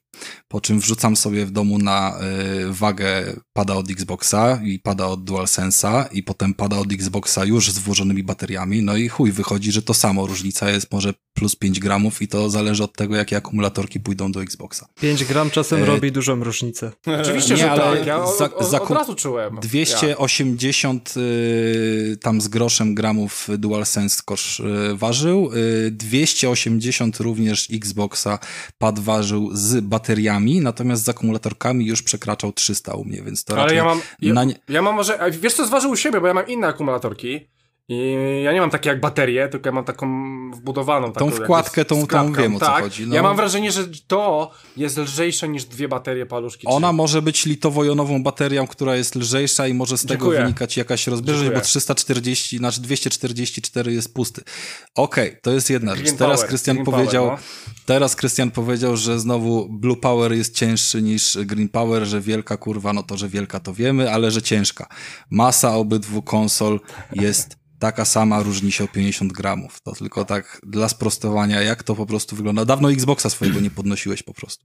E, Ale przesuwałem, przesuwałem, przesuwałem Ale się dobrze. ale E, No dobra, słuchajcie, no jeżeli chodzi, no to oczywiście musiałem się e, pobawić e, w, w inżyniera konsol, więc musiałem e, tą podstawkę przymocować. No dobra, no jest to w miarę w porządku zrobione, aczkolwiek e, dobra, e, tego nie będę komentował. Słuchajcie, no i pierwsza rzecz, już Tomek nawet się ze mnie śmiał, ciekawe czy dobrze włoży płytę. No i wyobraźcie sobie, że do tej konsoli źle włożyłem płytę i dla mnie to nie ma logicznego e, za, zastosowania. Słuchajcie, jeżeli wk- wkładacie płytę, nawet w starych konsolach czy gdzieś, to zawsze ścieżka idzie do całego rdzenia tej konsoli. Tutaj jest to odwrotnie. Nawet jak Xboxa wkładacie, no to, no to mała przestrzeń jest przy krawędzi, która ma, nie wiem, centymetr i całą konsolę macie, e, nie wiem, e, 15 centymetrów, 20 po, pod napędem. Wiadomo, że ścieżka idzie do tej większej części. E, Sony zrobiło to odwrotnie. Jest to spowodowane tym, że ten napęd jest dodatkowy, więc e, są e, przecież konsole bez napędu, więc po prostu to jest jako dobudowane i to miałoby w sumie, ma to w sumie sens, ale dla mnie jako tak pierwsze, pierwsze użytkowanie z tą konsolą, no źle włożyłem płytę i patrzę, no gdzie jest mój kurwa ratchet? No nie ma. E, konsola zepsuta oddaje. E, tak, e, ale, ale też mi się coś e, nie, nieprzyjemnego trafiło, ale to później wam powiem. No i słuchajcie, e, PS4 to było menu, które było po prostu idealne. Nie oszukujmy się, to było menu idealne, to była, e, to była, że tak powiem, e, literacja wyższa z PlayStation 3, to wszystko pięknie działało, to było na swoim miejscu, to było przepiękne, gdzie później na Xboxie miałem problem, że, że, żeby się przestawić, ale Microsoft zauważyłem, że szedł w stronę właśnie PlayStation i te menu coraz bardziej stawało się takim e, menu od Sony. No i słuchajcie, piątka, piątka dla mnie w tym momencie to jest dramat i ja nie wiem, czy się do tego przy, przy, przekonam. Przede wszystkim odpalanie trofeów. Nie mam takiej listy, jak miałem z góry do dołu, tylko mam kwadraty, które po prostu prze, przewalam się przez nie. One są duże, zajmują dużo miejsca. Bardzo mnie to Ale wkurwia. mówisz o której liście kwadraty, jak E, jesteś o już osiągnięcia. wewnątrz? Jestem w grze, odpaliłem grę, mam raczeta, patrzę osiągnięcia, mam duże kwadraty, przechodzę w prawo, nie mam takiej listy z góry na dół, tylko e, z lewej do prawej, próbuję coś znaleźć Czyli mówisz, kiedy jesteś w menu playkowym, tak? tym. A, nie w wiem. sensie w trakcie gry, kiedy klikasz przycisk, tak? Tak, po prostu, szybkie, szybki No to okej, temp. tak, to, to jest, Bardzo tam, się to pokazane, tam pokazywane są tylko jakieś takie powiedzmy Tak. najbliższe trofea czy coś w tym stylu, a całą listę masz po prostu yy, jak jesteś przy menu głównym i widzisz grę, to masz ją, możesz odpalić, przejść do, nie wiem, sklepu po dodatki albo wejść w listę trofeów Faktem, gdzieś tam, no więc Faktem jest, że mi się to bardzo nie podoba i wcześniej działało to dużo lepiej. Miałem szybszy dostęp do tego, wiedziałem co chcę, e, no i tutaj, tutaj po prostu za du- to wszystko za dużo miejsca zajmuje. Chcę być ładne, bo chcę być ładne, bo to wszystko ładnie wygląda, fajnie wygląda, ale dla mnie nie jest to praktyczne. E, słuchajcie, kolejna rzecz, no to, to tu w ogóle się załamałem. E, ja nie wiem, jak można coś takiego spierdolić. Słuchajcie, trzymacie długo tego jebanego guida w każdej konsoli i co się robi z konsolą? Wyłącza się tą konsolę. Co Sony sobie powiedziało? Nie, nie będziecie tak szybko wyłączać naszej konsoli. Więc klikacie, szukacie w menu, w wyjście, żeby wyłączyć system i dopiero go wyłączacie. Więc po prostu musicie przeklikać się, żeby, żeby wyłączyć konsolę, co jest dla mnie zero, super nieintuicyjna. Rafala i tutaj nie masz co bronić. Ja wiem, że już się przyzwyczaiłeś do tego, ale ja się nie przyzwyczaiłem, mam ją parę dni i jest to chujowe, szczególnie, że to działało i działa w każdej konsoli tak samo. To prawda, też miałem na początku z tym problem, żeby się przyzwyczaić, jak wyłączać konsolę i chciałem, żeby takie krótkie, małe, kontekstowe menu odnośnie wyłączenia y, konsoli było gdzieś tam pod ręką. Tak, e, dobra. I słuchajcie, I w sumie nie mam żadnych różnych, e, że tak powiem, e, wrażeń z tej konsoli. To, co powiedział Rafał, to powiedział Rafał. Ja powiem wam chyba bardziej nieprzyjemną rzecz. Wczoraj, e, wczoraj wyłączyłem sobie Ratcheta, normalnie po ludzku. E, patrzę, że zniknęło, zniknęła mi ikonka w ogóle. E, płyta w ogóle, nie wiem, w, w ogóle nie miałem żadnej ikony płyty, nic. Gra mi się kompletnie usunęła. Nie wiem czemu. Po prostu wyszedłem z gry i tak jakby mi się usunęła, musiałem od nowa ją instalować z płyty i od nowa ją ściągać. Nie wiem czemu się tak stało. Eee, miałem taki defekt, może coś z moją konsolą jest? Nie wydaje mi się. Ale wydaje mi się, co? że coś z napędem. Bo No. jak o tym wspomniałeś, to aż mnie olśniło, bo mi się to przydarzyło dwa razy ostatnio z Playką czwórką. Najpierw usunęło, Że usunęło mi po prostu bez śladu. Od, tak jak powiedziałeś, wieczorem, No, no. wieczorem wyłączyłem grę, gra, ogrywałem wtedy bodajże Detroit. Em, wyłączyłem wieczorem konsolę, poszedłem spać, poszedłem później do roboty, wróciłem, myślę sobie, a sobie pogram, siadam i tak jak właśnie powiedziałeś dokładnie, po prostu nie, nie mam ikonki, nie pokazuje mi śladu, że płyta jest nadal włożona do konsoli, bo nie wyjmowałem płyty. Mhm. Po prostu po grze nie było śladu. Zwyczajnie usunęła się sama z dysku. I drugi raz miałem to przy, przy Days Gone. I E, je, więc właśnie jak to powiedziałeś, to od razu mi się przypomniały te dwie sytuacje. Myślałem, że to jest jakaś odosobniona kwestia, No ale, cie- ale ale chociaż- ciekawe, że to się zdarzyło na obu systemach, że na PlayStation 4 No i na PlayStation 5. To jest interesujące. E, o, oczywiście, oczywiście save były, wszystko Tak, było. No, tak, tak, tak. Musiałem, musiałem zainstalować i ściągać, więc spoko. E, słuchajcie, jeszcze jedna rzecz, e, bo, bo w sumie, w sumie gdyby nie Rafał, to bym o tym nie powiedział, ale że jest Rafał, to chętnie o tym powiem. E, działanie tej konsoli. Ona jest cicha. Nie słuchacie, ko- kompletnie nie słychać. Ale Rafał mi powiedział jedną rzecz, że jeżeli gry mi się instalują z płyty, to słychać tą płytę, ale później już nie słychać. I gówno prawda. Zawsze jak odpalam tego jebanego Ratcheta, to zawsze słyszę ten napęd na początku. Zawsze. Ależ Więc oczywiście, że tak. to, no to ale na Xboxie, Rafał, ja włożę płytę, ja jej nie słyszę. Ja jej nigdy nie usłyszę. I w ogóle nie słyszę tej konsoli. Ona do mnie nie mówi. I bardzo się cieszę, że ona do mnie nie Ale, mówi. A na, Krystian, na w co ty słychać to. grałeś? W co ty, w co ty grałeś na Eee, Xboxie z płyty? Rezydenta mam na płycie, Rafał. Dobrze, ja gram w Forzę i za każdym razem jak odpalam Może aż- Forzę, to on nie sobie... Nie, on za każdym razem odpala się na krótki moment, żeby sobie tam pokręcić się i powibrować. I tak samo robi Playka. Z Playką Ja nie mówię, że nie. problem. Tylko, że na Playce to Playką- słychać. I to słychać, naprawdę to słychać. No kurwa, no słychać, no Rafał. Yy, mm, Dobra, no jakby ja nie mówię, że nie słychać, słychać ten napęd. Mój, No. akurat na moim meblu, bo stoi dokładnie w tym samym miejscu yy, Xbox i Playka, słychać w podobny sposób, tak? To idą wibracje, które gdzieś tam się przenoszą, wiesz, yy, z tego 4,5 kilowego, wiesz, yy, Potwora. klocka jednego i drugiego, yy, który wpada w wibracje i te gumowe nóżki gdzieś tam jakiś mebel, wiesz, yy, rezonują. I to jest tak naprawdę, wiesz, główne źródło tego hałasu, zależnie na czym jest ustawione oraz czy konsola jest poziomo czy pionowo, bo to też inaczej gdzieś tam przenosi tą Może, wibrację. może, Natomiast wkurwia mnie to, że kiedy już ta nawet gra cyfrowa jest odpalona, bo to jeszcze mało pograłeś, ale będziesz grał sobie w gry z plusa i dalej będziesz słyszał, póki masz jakąś grę w napędzie, że ona się będzie odpalała y, nie wiadomo po chuj, co ma ci sprawdzić Aha, i wiem, dalej wiem tego. Wiem mm, dalej sobie z tym nie poradzili. Więc w Xboxie, dopóki napierdalam w Game Passa i nie ruszam tego, y, tej Forzy, to w ogóle wydaje się to gra, która nie ma napędu, tak? A Playka jednak zawsze przypomina, hej, mam płyty, kurwa, może jednak coś mi wsadzisz, no i, i tak to wygląda. Eee, tak, to jest, e, to jest ta rzecz. Jeżeli chodzi o te gadanie, bo e, gadaliście ze mną, ja miałem tego pada, wszystko spoko, aczkolwiek e, nie słyszałem was tak wyraźnie, jakbym chciał was, słyszeć, więc jeżeli, więc jeżeli, nie wiem... em, Czy tu, wiesz co, na mogliśmy razie jest to w mieć jakieś- porządku, ale nie wiem, czy na dłuższą metę to jest też takie dobre, wiesz, no bo jednak ta słuchawka będzie się słyszał lepiej, Rafale, no nie oszukujmy się. Powiem ci tak, E, my to jest- robiliśmy sobie sesję trzygodzinne w Forest, nie było żadnego problemu. Ale Z tobą tu nie był ma- problem od razu, jak się połączyliśmy. Wydaje mi się, że jeszcze tam kwestia, wiesz... Może, e, może.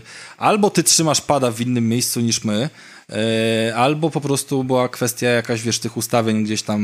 Może, może. No, parametrów, bo tam można ustawić sobie ten mikrofon i tak dalej na różne tam czułości, ale, ale faktem jest, że no jakby sprawdza się to spokojnie przy dłuższej rozgrywce. No jest to jakaś tam Jest. e, sympatyczna cecha. Jakaś, nie wiem, grałeś tego raczeta dłużej, bateria ci trzyma w padzie dobrze? E, właśnie chciałem to zobaczyć, bo jednak e, trochę wariuje ten pad i tak sobie myślałem, no ciekawe kurwo, ile, ile, ile wytrzymasz. E, no nie, ale, ale ogólnie jestem zadowolony z e, żywotności baterii na dzień dzisiejszy, tak. Zobaczymy jak za rok, dwa, ale, ale ogólnie da, daje to radę i myślałem, że będzie gorzej, ale jest w sumie lepiej niż myślałem.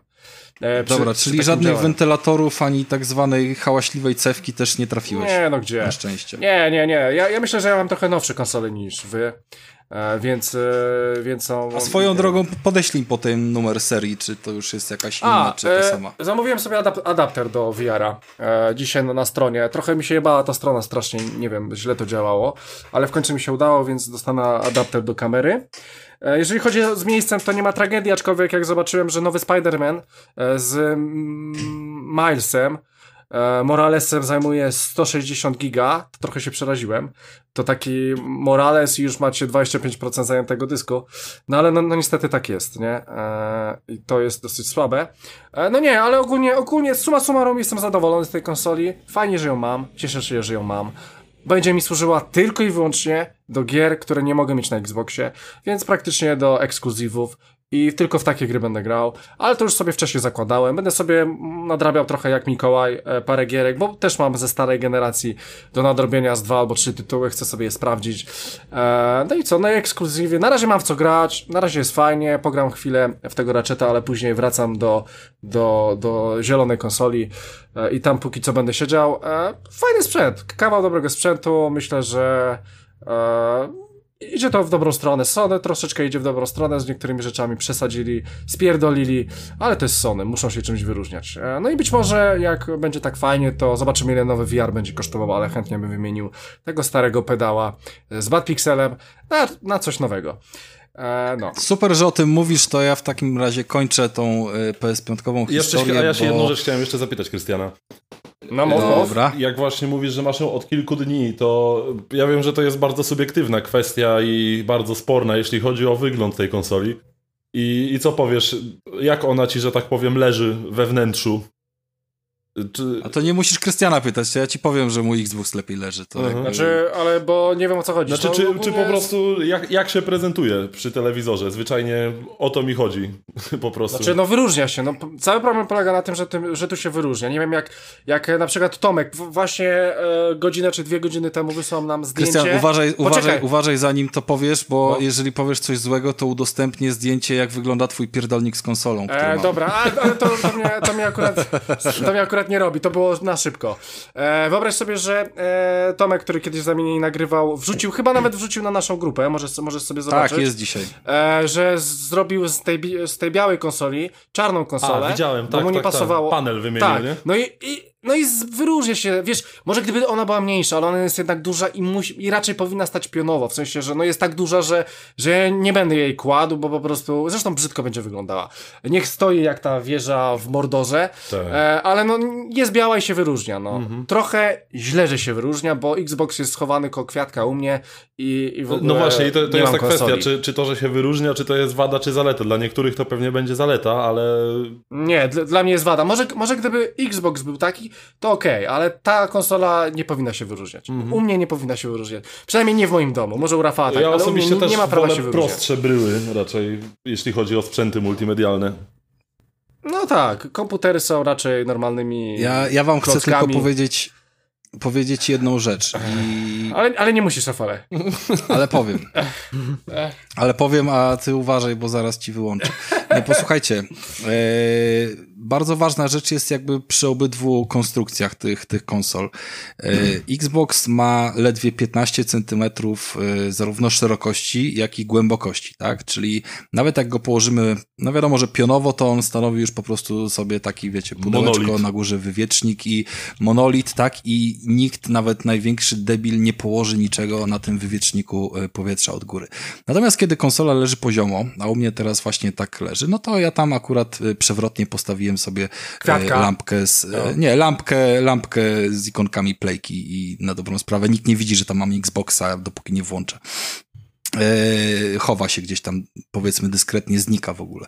E, ale wciąż 15 centymetrów głębokości ledwie by pozwalało, powiedzmy, postawić e, na tym doka do Switcha. Jako na, wiecie, na górnej Mhm, obudowie. E, I to jest, powiedzmy, ostateczne przeznaczenie jakby Xboxa, najlepsza jego funkcja. Natomiast e, playkowe, playkowe jakby kształty nie pozwalają zrobić Nic. z nią kompletnie niczego i Jest bezużyteczna, jest po prostu jest bezużyteczna, No jest, no, bezużyteczna no co pod tym kątem. Nie można, nie można zrobić każdym. warstwowej konstrukcji. E, Myślę, że wraz z upływem lat i, i jakby przychodzeniem kolejnych gierek i tak dalej, te sprzęty są obydwa dopracowane, jeżeli chodzi o chłodzenie, ale myślę, że to się z czasem gdzieś tam będzie, wiecie, nie każdy będzie wymieniał pasty czy jakieś inne rzeczy i to się będzie jednak gdzieś kurzyło i, i, i syfiło w środku. E, jakkolwiek by tam nie były sprytne metody czyszczenia tego. E, I zobaczymy, jak to będzie chodziło za, za, za jakiś tam czas przy, przy cięższych warunkach oraz kto będzie tego jak używał. W każdym razie na Xboxa nie postawisz innej konsoli, ani magnetowidu, ani nie wiem, dekodera, żeby po prostu dodatkowo zbierał e, temperaturę. I na Playce też tego nie postawisz. A najlepszym dowodem na to, że właśnie takie rzeczy się robi, jest to, że Krystian właśnie na Playce 4 postawił swoją PS5.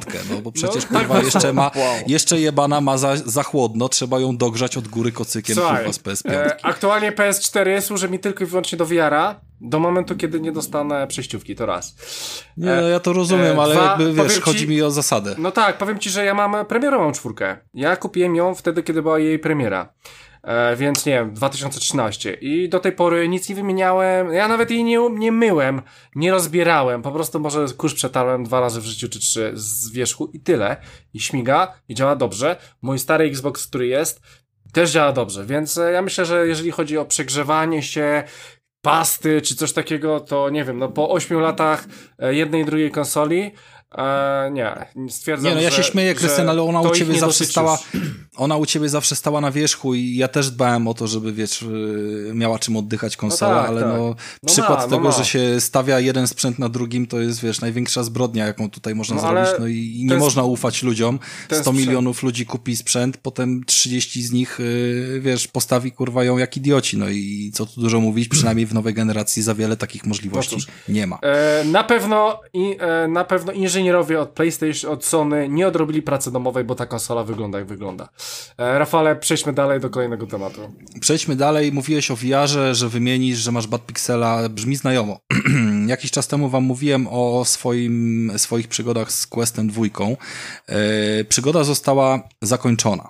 Zakończona na szczęście e, sukcesem takim, że udało się, mm, udało się, zak- zakończyła się na tym, jak ostatnio opowiadałem, że dostałem drugie gogle, które również miały Bad Pixela. No i w tym momencie w kurw jakby sięgnął zenitu, poszła opcja, yy, że chce zwrotu, nie chce z tym sklepem mieć nic wspólnego, nie wiem skąd oni biorą te gogle, czy to nie jest jakaś cała partia, yy, żeby więcej zarobić, wiecie, jakichś takich yy, od po, pozwrotowych. Yy, no i oczywiście ten zwrot też nie od razu nastąpił, tej kasy. Oczywiście jeszcze trzeba się było yy, popierdolić i założyć spór na Allegro i dopiero przy sporze na Allegro, przy podwójnej jakby drugim zwrocie z rękojmi, po pełnych y, praktycznie może nie pełnych 30 dniach, ale gdzieś tam coś, ktoś, jakiś urlop chyba ze 20 parę dni to trwało, przyszła decyzja, oczywiście z gorącymi przeprosinami, ale chuj im w dupę i jakby poszedł zwrot kasy, nie? Y, W tym momencie zrezygnowałem z pomysłu, żeby kupić y, konsolę z źródła, znaczy konsolę, czyli Oculusa, tak, z źródła facebookowego. Mówię, a chuj, polecimy jeszcze raz sprawdzonym schematem, bo, bo jednak y, zwroty w Polsce do 14 dni y, są gwarantowane sprzętu zakupionego online. Y, Lecimy na Allegro i, i, i wziąłem sobie innego sprzedawcę. Tylko tym razem napisałem do niego maila. Na maila mi oczywiście nie odpowiedział, było to dla niego zbyt dużym wyzwaniem, żeby, żeby zapytać o to, y, jak on by postąpił w sytuacji, która mnie spotkała przy Bad Pixelu i wymianie, żebym miał na piśmie po prostu, że mi y, bez y, pierdolenia uzna gwarancję, jak będzie ten y, Bad Pixel. Mm, Na odpowiedź się nie doczekałem do dzisiaj, pomimo, że poszła w zeszłym tygodniu. W związku z tym zadzwoniłem do innego gościa i nawet w gruncie rzeczy powiem wam, że taka firma się nazywa Icar y, VR Mm, taki sklep można znaleźć w internecie, takiego sprzedawcę można znaleźć na Allegro. Facet tylko i wyłącznie sprzętami do VR-ów najróżniejszymi handluje oraz akcesoriami. Podejrzewam, że głównie na akcesoriach robi hajs, bo to są po prostu te same rzeczy, co z Chin, tylko, tylko trochę drożej, a same sprzęty i gogle były w całkiem niezłej cenie. Mm, no i jak do niego zadzwoniłem powiedzieć mu, jakie są moje obawy, jakie sytuacja gdzieś tam mnie spotkała, to spotkałem się z naprawdę dobrym zrozumieniem. E, był zorientowany, powiedział, że jak najbardziej Oculus nie lubi gwarancji uznawania z innych rynków, więc jeżeli sprzęt trafił, który gdzieś tam pierwotnie pochodził z rynku USA, albo teraz UK wyłączony z Unii Europejskiej, czy nie daj Boże z jakiejś innej Azji i ktoś go nam sprzedaje w Polsce, to chuja tej gwarancji nie będzie i oni powiedzą, e, ok, nie ma problemu, ale my wysyłamy kuriera na ten adres w Anglii i tam odbierzemy twoje gogle, nie? I nieważne, że to jest, wiesz, jakby dla nich żadna różnica skąd odebrać, taki masz numer seryjny, więc y, deal with it. I dostałem zapewnienie, że tutaj mam oczywiście bezpośrednio gdzieś tam z Europy, że jak Bad Pixel to się oczywiście wymienia, bo to nie jest telewizor ani telefon, tylko tutaj Bad Pixel jest przy oku, więc go trzeba wymienić, bo dostaniesz pierdolca i tak dalej, i tak dalej. Przyszły, działają, jest super, historia jest zamknięta i od przyszłego tygodnia y, będziemy nawet mieli za dwa tygodnie recenzję już y, pierwszej gry na Oculusa, która wpadła jakaś nowa. No. To tyle słowem y, przerwy. Zanim przejdziemy do głównego mięska, które na dzisiaj zaplanowaliśmy, czyli Ratcheta, to chciałbym jeszcze, żebyśmy pogadali trochę o SnowRunnerze, bo Michał nam usnął, a Michał SnowRunnera trochę poznał. E, ja też trochę SnowRunnera poznałem i co ciekawe, Mikołaj też trochę SnowRunnera poznał. Ja, Więc... ja, ja poznałem tą poprzednią grę e, o błocie. Tak, Madrunnera my razem ogrywaliśmy i recenzowaliśmy, więc też, też wiemy mniej więcej, e, jaki tam etap był. Więc e, Michał, niech to będzie twój pokaz możliwości taki pożegnalny, Last najlepsza dance. recenzja. Last Dance, dawaj jedziesz, puścimy ci teraz jakiś fajny podkład, pokaż co potrafisz. SnowRunner to był taki bardziej eksperyment kiedyś, jeśli wychodziły, jak wychodziły te wszystkie Spin Tires, spin, spin Tires i te wszystkie Madrunnery, o których już wspomnieliście. Tylko SnowRunner już poszedł o e, oczko wyżej i zrobił grę dla każdego, bo na przykład Madrunner to tam e, nie było za bardzo otoczki, nie wiedziało się za bardzo o co chodzi w tej grze, gdzie jechać, dokąd jechać, co przywieźć i tak dalej. Te questy były tak, tak mniej więcej e, skopcone, że to był tylko taki pokaz te technologii. Zobaczcie, mamy ciężarówki, jeździmy po lesie, taplamy się w bocie.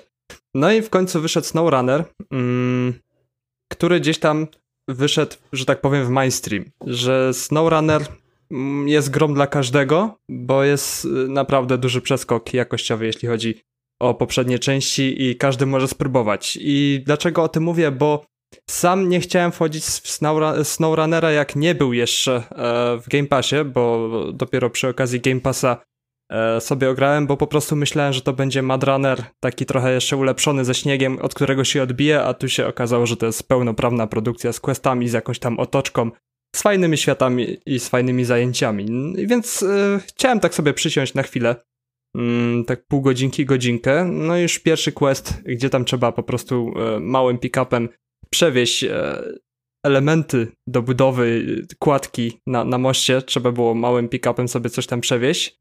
E, coś było w tym stylu, że, że małym pick-upem trzeba sobie pojeździć tak, i to już mnie wciągnęło. most tam chyba był, czy Tak, czy dokładnie. To było pierwsze, że... Zasadniczo trzeba tym pick-upem było dojechać do ciężarówki i, i coś tam sobie. No właśnie. Ja przyjdę za godzinę? Ile wam to zajmie? No to przyjdź za dwa tygodnie znowu. Dzięki. To był Krystian Kender, dziękujemy. Dobra, nara. No i e, jeździmy sobie, zacząłem sobie jeździć i nie wiem kiedy umknęło mi dwie godziny przy pierwszym posiedzeniu, że chciałem sobie włączyć, obczaić jak to wygląda i czy to jest taki madrunner na sterydach, ale jak się okazało, że to jest pełna gra z pełnymi questami, to wsiąknąłem i, i nie wiem kiedy mi ten czas zleciał.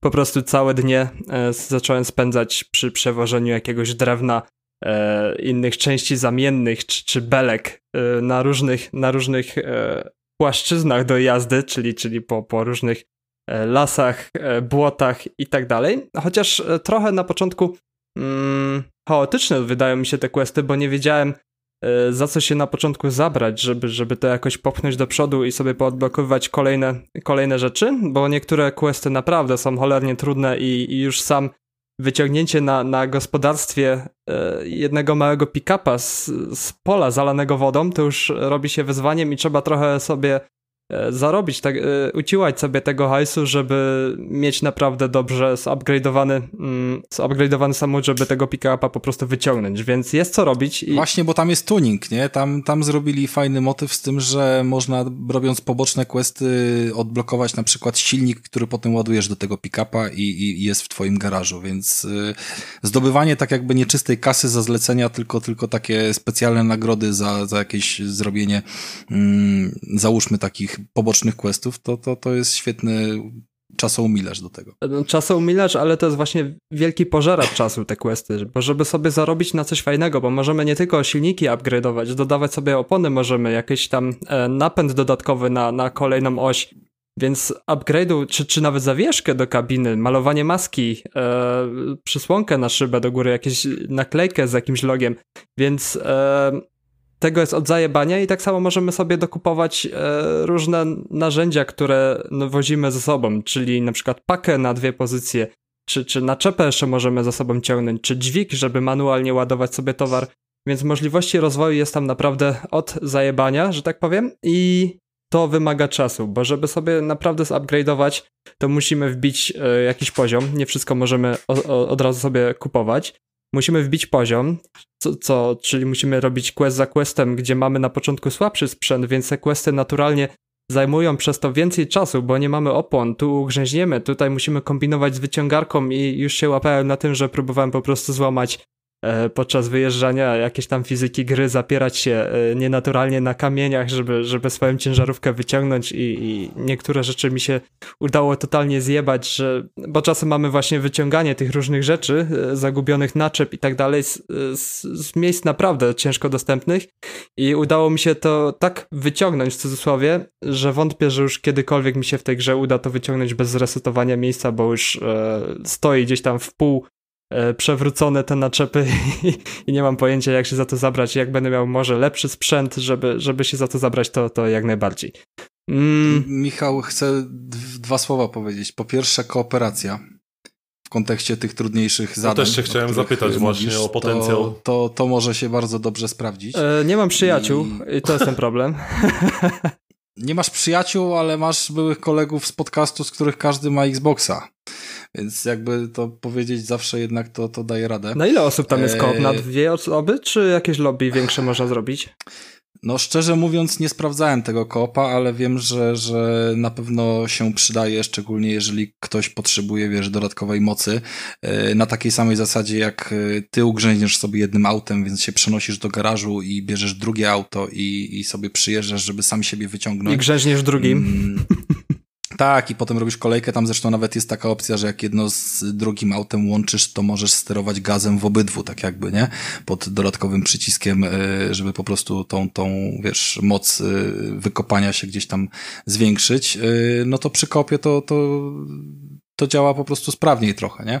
E, ale nie wiem, czy cały kop został przebudowany, bo, bo przy Madranerze tego kopa bardziej z Krystianem testowaliśmy i, i, tam były pewne śmieszne prawa, że, że każdy miał niby e, trochę więcej tych ciężarówek, ale nie mogliśmy wzajemnie wchodzić w swoje i, i takie, takie były powiedzmy jakieś tam e, miejsca, duchy mm, nawiedzone, zrobione. Nie wiem, jak tutaj to działa, bo, bo nie do, nie, do, nie dołączyliśmy się w końcu do takiej gry zespołowej, ale to jest faktycznie y, dobre miejsce na to, bo zdecydowanie tutaj jest y, sporo przestrzeni, żeby sobie właśnie gdzieś pogadać w tle i coś, coś porobić, kiedy się próbuje tam y, jakieś kolejne zlecenie odpalić.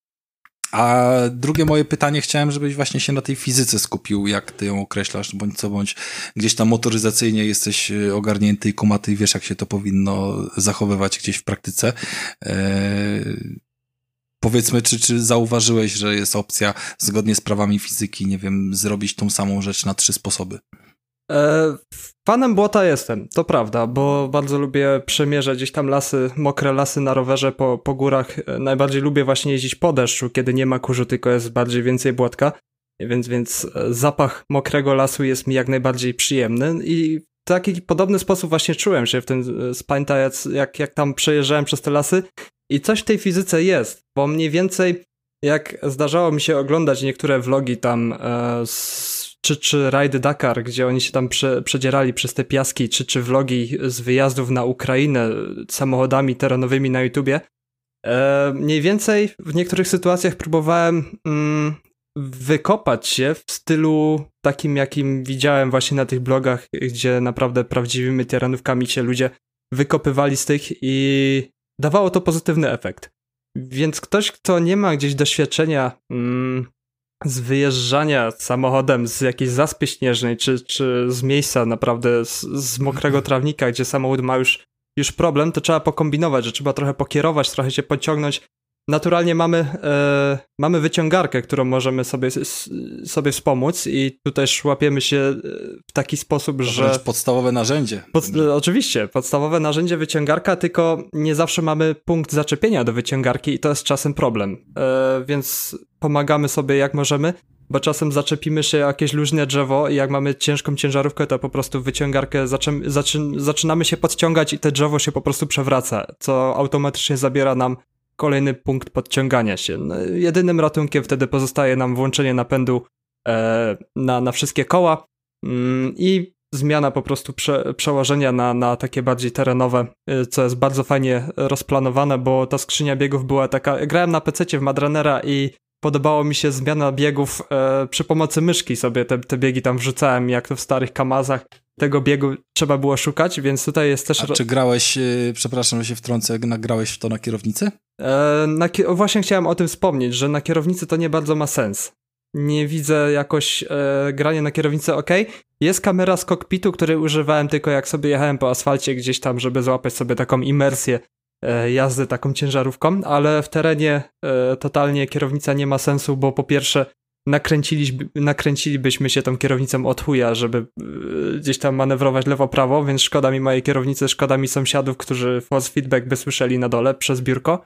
E, no i oczywiście musimy cały czas e, okręcać się kamerą, żeby mieć po prostu wgląd na wszystko, co się dzieje wokół, więc kierownica nie daje takiego, nie daje tej gałki, którą mamy pod prawym kciukiem, która, którą cały czas się rozglądamy, nawet jadąc do przodu. E, głównie kamera jest skierowana na bok pojazdu, żeby widzieć mniej więcej, co się pod kołami dzieje, więc kierownica można spróbować, ale mi się wydaje, że to się totalnie nie nadaje, bo zmiana... Ja próbowałem na Madrunnerze oryginalnym. Eee, zakładam, że no jakby system sterowania jest, jest jednak podobny. Eee, tego, tego, tego SnowRunnera jeszcze nie odpaliłem. I powiem ci, że to wychodziło nieźle. Force feedback tam przede wszystkim dawał robotę, pozwalał dodatkowo wyczuć, wiesz, cały opór, który tutaj eee, no, się uruchamiał, plus oczywiście cała skrzynia biegów i tego typu rzeczy też, też e, elegancko się programowały. Mm, faktycznie trochę tego kręcenia kierownicą może być.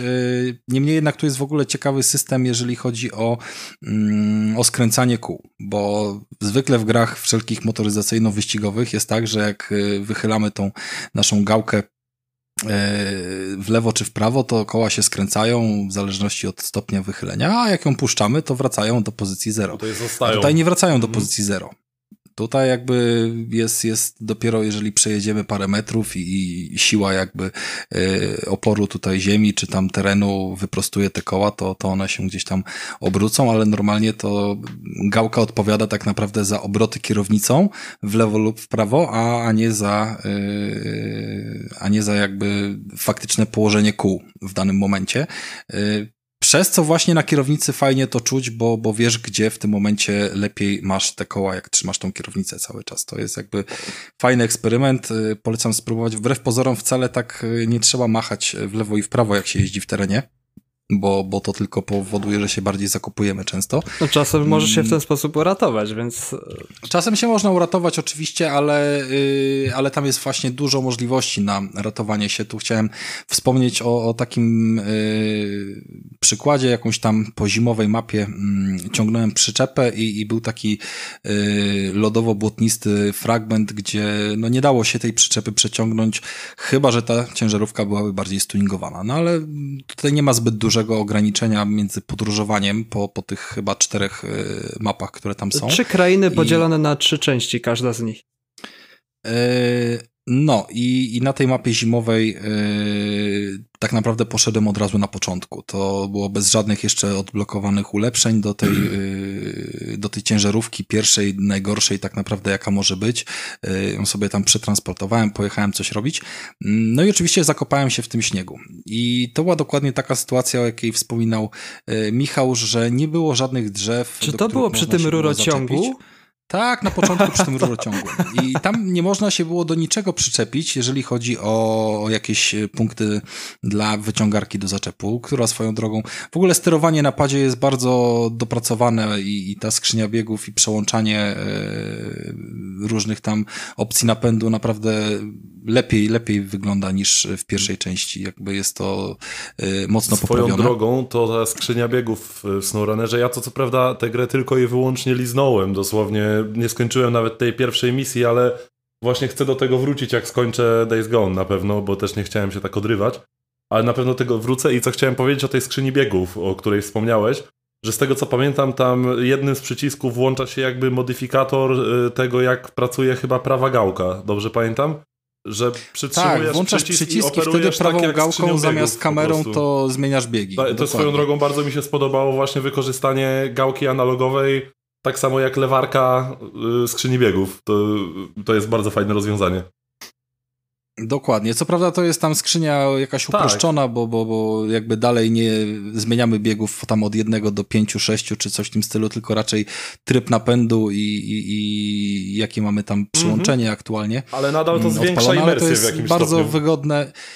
I łatwiej się to robi wręcz niż na PC, tak, tak, tak, tak w moim tak, odczuciu, dokładnie. bo na PC sobie też odpaliłem y, tego. Więc słuchajcie, y, przejeżdżając przez tą jakby taką śnieżno-błotnistą kałużę, gdzie z przyczepką od razu się jakby zakopałem i to było ewidentnie zbyt ciężki towar, żeby gdzieś tam się przez nią przeciągnąć. No mogłem kombinować, e, żeby się wycofać, żeby wrócić do tego miejsca później, albo nie wiem, jakieś właśnie takie y, szuranie się na lewo, prawo i, i tego typu rzeczy. Y, natomiast y, też gdzieś kojarząc jakąś taką mechanikę, nie, nie pamiętam skąd ją mm, podpatrzyłem, też miałem znajomych, którzy lubili w terenie jeździć i, i trochę na ten temat gadaliśmy. Ja się odłączyłem od tej przyczepy. Wtedy już z lżejszą ciężarówką wybrnąłem się trochę do przodu, powiedzmy o jakieś te 10-15 15 metrów. Wtedy sobie przyłączyłem tą wyciągarkę do tyłu i zacząłem tą przyczepę sobie dociągać z powrotem do siebie, tak. już wiecie, cisnąć cały czas do przodu gaz i przyczepę, wyciągarka, jakby ja stałem w miejscu, ale przyczepa się y, dociągnęła. I potem znowu podjechałem 15 metrów do przodu, już złapałem dobry teren i sobie pojechaliśmy dalej razem szczęśliwi do tego gazociągu, więc mm, dało się to zrobić y, kombinując właśnie z tym, jak działa fizyka, co kiedy daje opór, y, jaki opór nam dają opony na, na teren, w którym stoimy, że raczej ta wyciągarka nas do tyłu nie pociągnie, tylko raczej przyciągnie tą przyczepę do przodu i, i tego typu rzeczy. Więc można kombinować, fajnie się e, na pewno by też kombinowało we dwójkę, jak pewne mm, tematy rozwiązać. E, wtedy na pewno też możliwość zaczepienia dwóch punktów zaczepu do wyciągarki, żeby coś nie spadło nam w przepaść i tego typu rzeczy e, nie psuły powiedzmy tej tej misji. No i ode mnie na koniec, bo, bo już Michałowi oddaję głos, powiem tylko tyle. Czekam niesamowicie i liczę na to, że na Xboxie, na którym gra się w to zwyczajnie przyjemnie, yy, wejdzie jakiś patch, który odblokuje te klatki na 60, bo no, gra chodzi w 30, przynajmniej tak chodziła, kiedy w to grałem jeszcze te, te kilka tygodni temu. Yy, I bez najmniejszego problemu, jak odpaliłem to na PC, to chodziło w 60 lub więcej klatkach i nie było z tym problemu, pomimo że yy, no, ten laptop nie jest jakby tam wyposażony w żadne 3060, 80 czy 90 tylko, tylko w takiego już staruszka, który no gdzieś tam, nie wiem, pewnie 4 czy 5 teraflopów wyciąga, więc w gruncie rzeczy y, byłem tym zaskoczony. Myślę, że to jest po prostu kwestia kasy i pracy nad y, aktualizacją, żeby to coś takiego odpalić i o wiele lepiej wtedy ta gra się spisuje. Czyli mówisz, że 60 klatek w tej grze robi robotę? Y, dla mnie robi, bo tam też jest coś takiego, tam się dużo macha, tak jak Michał powiedział, e, czy to gałką, czy to myszką, żeby orientować się e, w sytuacji dookoła. Mhm. I przez to, że nie mamy tej kamery przyklejonej z tyłu pojazdu bądź bohatera, którym tam sobie skaczemy po mapie, tylko raczej to jest klimat, że, że cały czas nie machamy w lewo, w prawo, obracamy dookoła pojazdu, żeby orientować się w sytuacji, w której jesteśmy, mm, no to obracając tą kamerę, no, no widzimy te wszystkie rozmycia, które mhm. są i które Jasne. przy 30 klatkach po prostu powodują taki efekt y, ząbkowania. Nie w każdej grze mi to przeszkadza, w gruncie rzeczy Ratcheta przeszedłem w 30 klatkach i w ogóle nie czułem tutaj jakiegoś bólu yy, z tym związanego, no ale tam jest cały czas kamera przyklejona do pleców tego bohatera i zasadniczo tak się w to gra. Mm -hmm. No tak. No. To co tam jeszcze? Czyli mogę Coś, dalej. No. Co, jaki wielki gwóźdź na finał. Możesz dalej. gwóźdź na finał. Nie wiedziałem, Oponę. jak się światło otwiera i przejeżdżałem w nocy po ciemku wszędzie. Bo samouczek fajnie wszystko tłumaczy. Jedziesz tu, robisz to, robisz tamto, ale samouczek nie tłumaczy, jak włożyć światła. No i sobie robię questy. Nie pokazywał? Serio? Nie pokazał mi, nie, przeoczyłem to. I mówię, to było, cholera. To była chyba, czekaj, jedna ze strzałek na D-padzie, prawda? nie, to jest kombinacja dwóch przycisków. Chyba LB i coś jeszcze musisz wcisnąć. Ja takie... LB i coś jeszcze. I nadeszła noc i ja takie, kurwa, jaki hardcore. Wzorowałem się na mapie i wzorowałem się mniej więcej na cieniach drzew, żeby gdzieś tam gdzie nie ma drzew, tam jest na pewno droga i się przemieszczałem. Coś przegapiłeś, Michał, na bank to było, bo ja od razu jeździłem na światłach i od razu wiedziałem, jak je odpalić, tylko nie pamiętam skąd, ale... Były postojówki i sobie radziłem aż, aż do momentu, kiedy Game Changer wszedł, oświeciłem światła i wow, co za prosta gra. Nie, tutaj, tutaj jest bardzo porządne oświetlenie, jak sobie A właśnie chciałem, y, chciałem się, y, jak wspomnieliście o tym, chciałem się dowiedzieć, czy właśnie noc w tej grze, bo często w wielu grach boli mnie strasznie to, że noc to jest nie noc, tylko taka szarówka poniekąd, że ciężko jest Jest ciemno jak w dupie, jest noc, ciemno. ciemno jak w dupie, szczególnie jak wyjedziesz z miasta, jesteś w lesie, to naprawdę jest ciemno Aha. jak w dupie i może nie ma tutaj zrobionych jakichś e, fascynujących efektów no Ale to nie, nie o to chodzi właśnie, tylko tak żeby dalej, było... ale, ale efekt e, nocy jest mhm. taki, że faktycznie nic nie widzisz i, i, i nawet ci tam... Spoko, zawsze, zawsze mi się to w grach podoba, kiedy, kiedy jest właśnie dobrze odwzorowana noc i pamiętam, że niesamowite wrażenie na mnie to zrobiło w Kingdom Come, gdzie w, w poprzedniej RPG grałem, po prostu sobie biegłem, nawet nie używałem pochodni, a tu nagle wychodzę z miasta i nic nie widzę, a nie miałem pochodni, musiałem się wrócić i do tego poczekać do rana, aż otworzą sklep, żeby kupić pochodnie. Więc po prostu lubię, lubię takie smaczki właśnie, kiedy noc jest naprawdę nocą, a nie szarówką. No to masz w SnowRunnerze naprawdę mocną noc i ta noc jest trochę lżejsza jak jest śnieg, bo mam wrażenie, że śnieg naturalnie odbija trochę światło i no, jest, jest tak trochę jaśniej, ale, ale ja miałem, bo są trzy krainy, jak już mówiłem, i jedna śnieżna. Ja się skupiłem na pierwszej mapie, która jest podzielona na trzy różne części i, i zanim zerknąłem tylko, mm, zrobiłem tą misję z gazociągiem w śniegu i to było wszystko, co, co tam zrobiłem. Mm, później się zawiesiłem, bo musiałem z, z dużą naczepą zawrócić mm. w miejscu, co mi się nie udawało, bo po, po dwóch stronach naprawdę było stromo i, i zostawiłem to. E, I na pierwszej krainie po prostu sobie e, odblokowuję, odblokowałem trzy sektory, mniej więcej mam rozkminioną mapę już prawie na pamięć. Można się tego nauczyć, że później questy w miarę poznawania tej mhm. mapy robią się takie proste, że aha, muszę tu i tu, to najlepiej przejechać tędy i tędy, więc, Czyli jest więc to się robi. naturalna krzywa uczenia się, nie? Dokładnie, dokładnie. Wiesz mniej więcej, y, gdzie jest jakiś teren, jaki poziom trudności i na co jest twój samochód gotowy, więc, więc to naprawdę wtedy, jeśli robisz szybko e, przesyłki, to naprawdę sprawia to, to przyjemność. Spoko. E, gra trzyma klimat, nawet na One X wygląda bardzo, bardzo ślicznie, I czy to nocą, czy to w dniu, e, widok robi wrażenie. I udźwiękowienie jest też wspaniałe, że mm, to była taka dla mnie gra y, do podcastu, że słuchałem sobie różnych podcastów i sobie, sobie grałem, żeby, żeby gdzieś tam coś, coś było w tle podcastu, ale złapałem się na tym, że wyłączałem podcast, żeby po prostu delektować się e, dźwiękami lasu, za którymi przepadam i, mm. i jest to naprawdę fajnie zrobione. Ryk silników w opustoszonym lesie, ten, ten skrzyp błota i, i śpiew ptaków gdzieś tam wokół klimat osamotnienia w tej, w tej żmudnej robocie, więc jak najbardziej na plus i, i tą gierkę naprawdę. Tym bardziej, że w Game Passie, więc polecam wszystkim, mm. żeby sobie e, trochę spróbować A potaplać się w błocie. koniec się chciałem zapytać, tak szacujesz, bo to jest wydaje mi się dość e, duża gra, długa, nie? W niej można spędzić długie godziny, wydaje mi się. Oj tak, można wtopić dosłownie uh-huh. dziesiątki godzin, bo jak się chce zrobić wszystkie mapy na maksa, to ja nie wiem ile trzeba godzin. No Aż sobie sprawdzę na ciekaw. How Long To Beat Bo to... Ja słyszałem, że koło 80 do setki, zależnie od oczywiście, wiesz. Nieźle.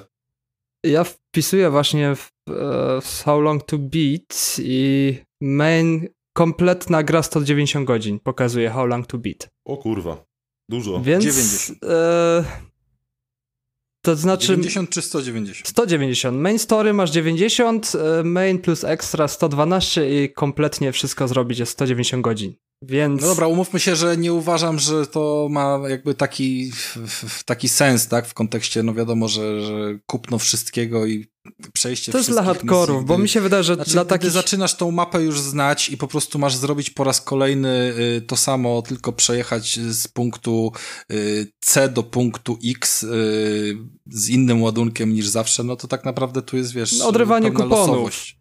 To, to każdą mapę się tak pozna, to mi się wydaje, że tak z 30 do 50 godzin taki niedzielny gracz może w to wtopić i reszta to będzie później po prostu przerost już materiału do Mhm. przyswojenia. Mhm.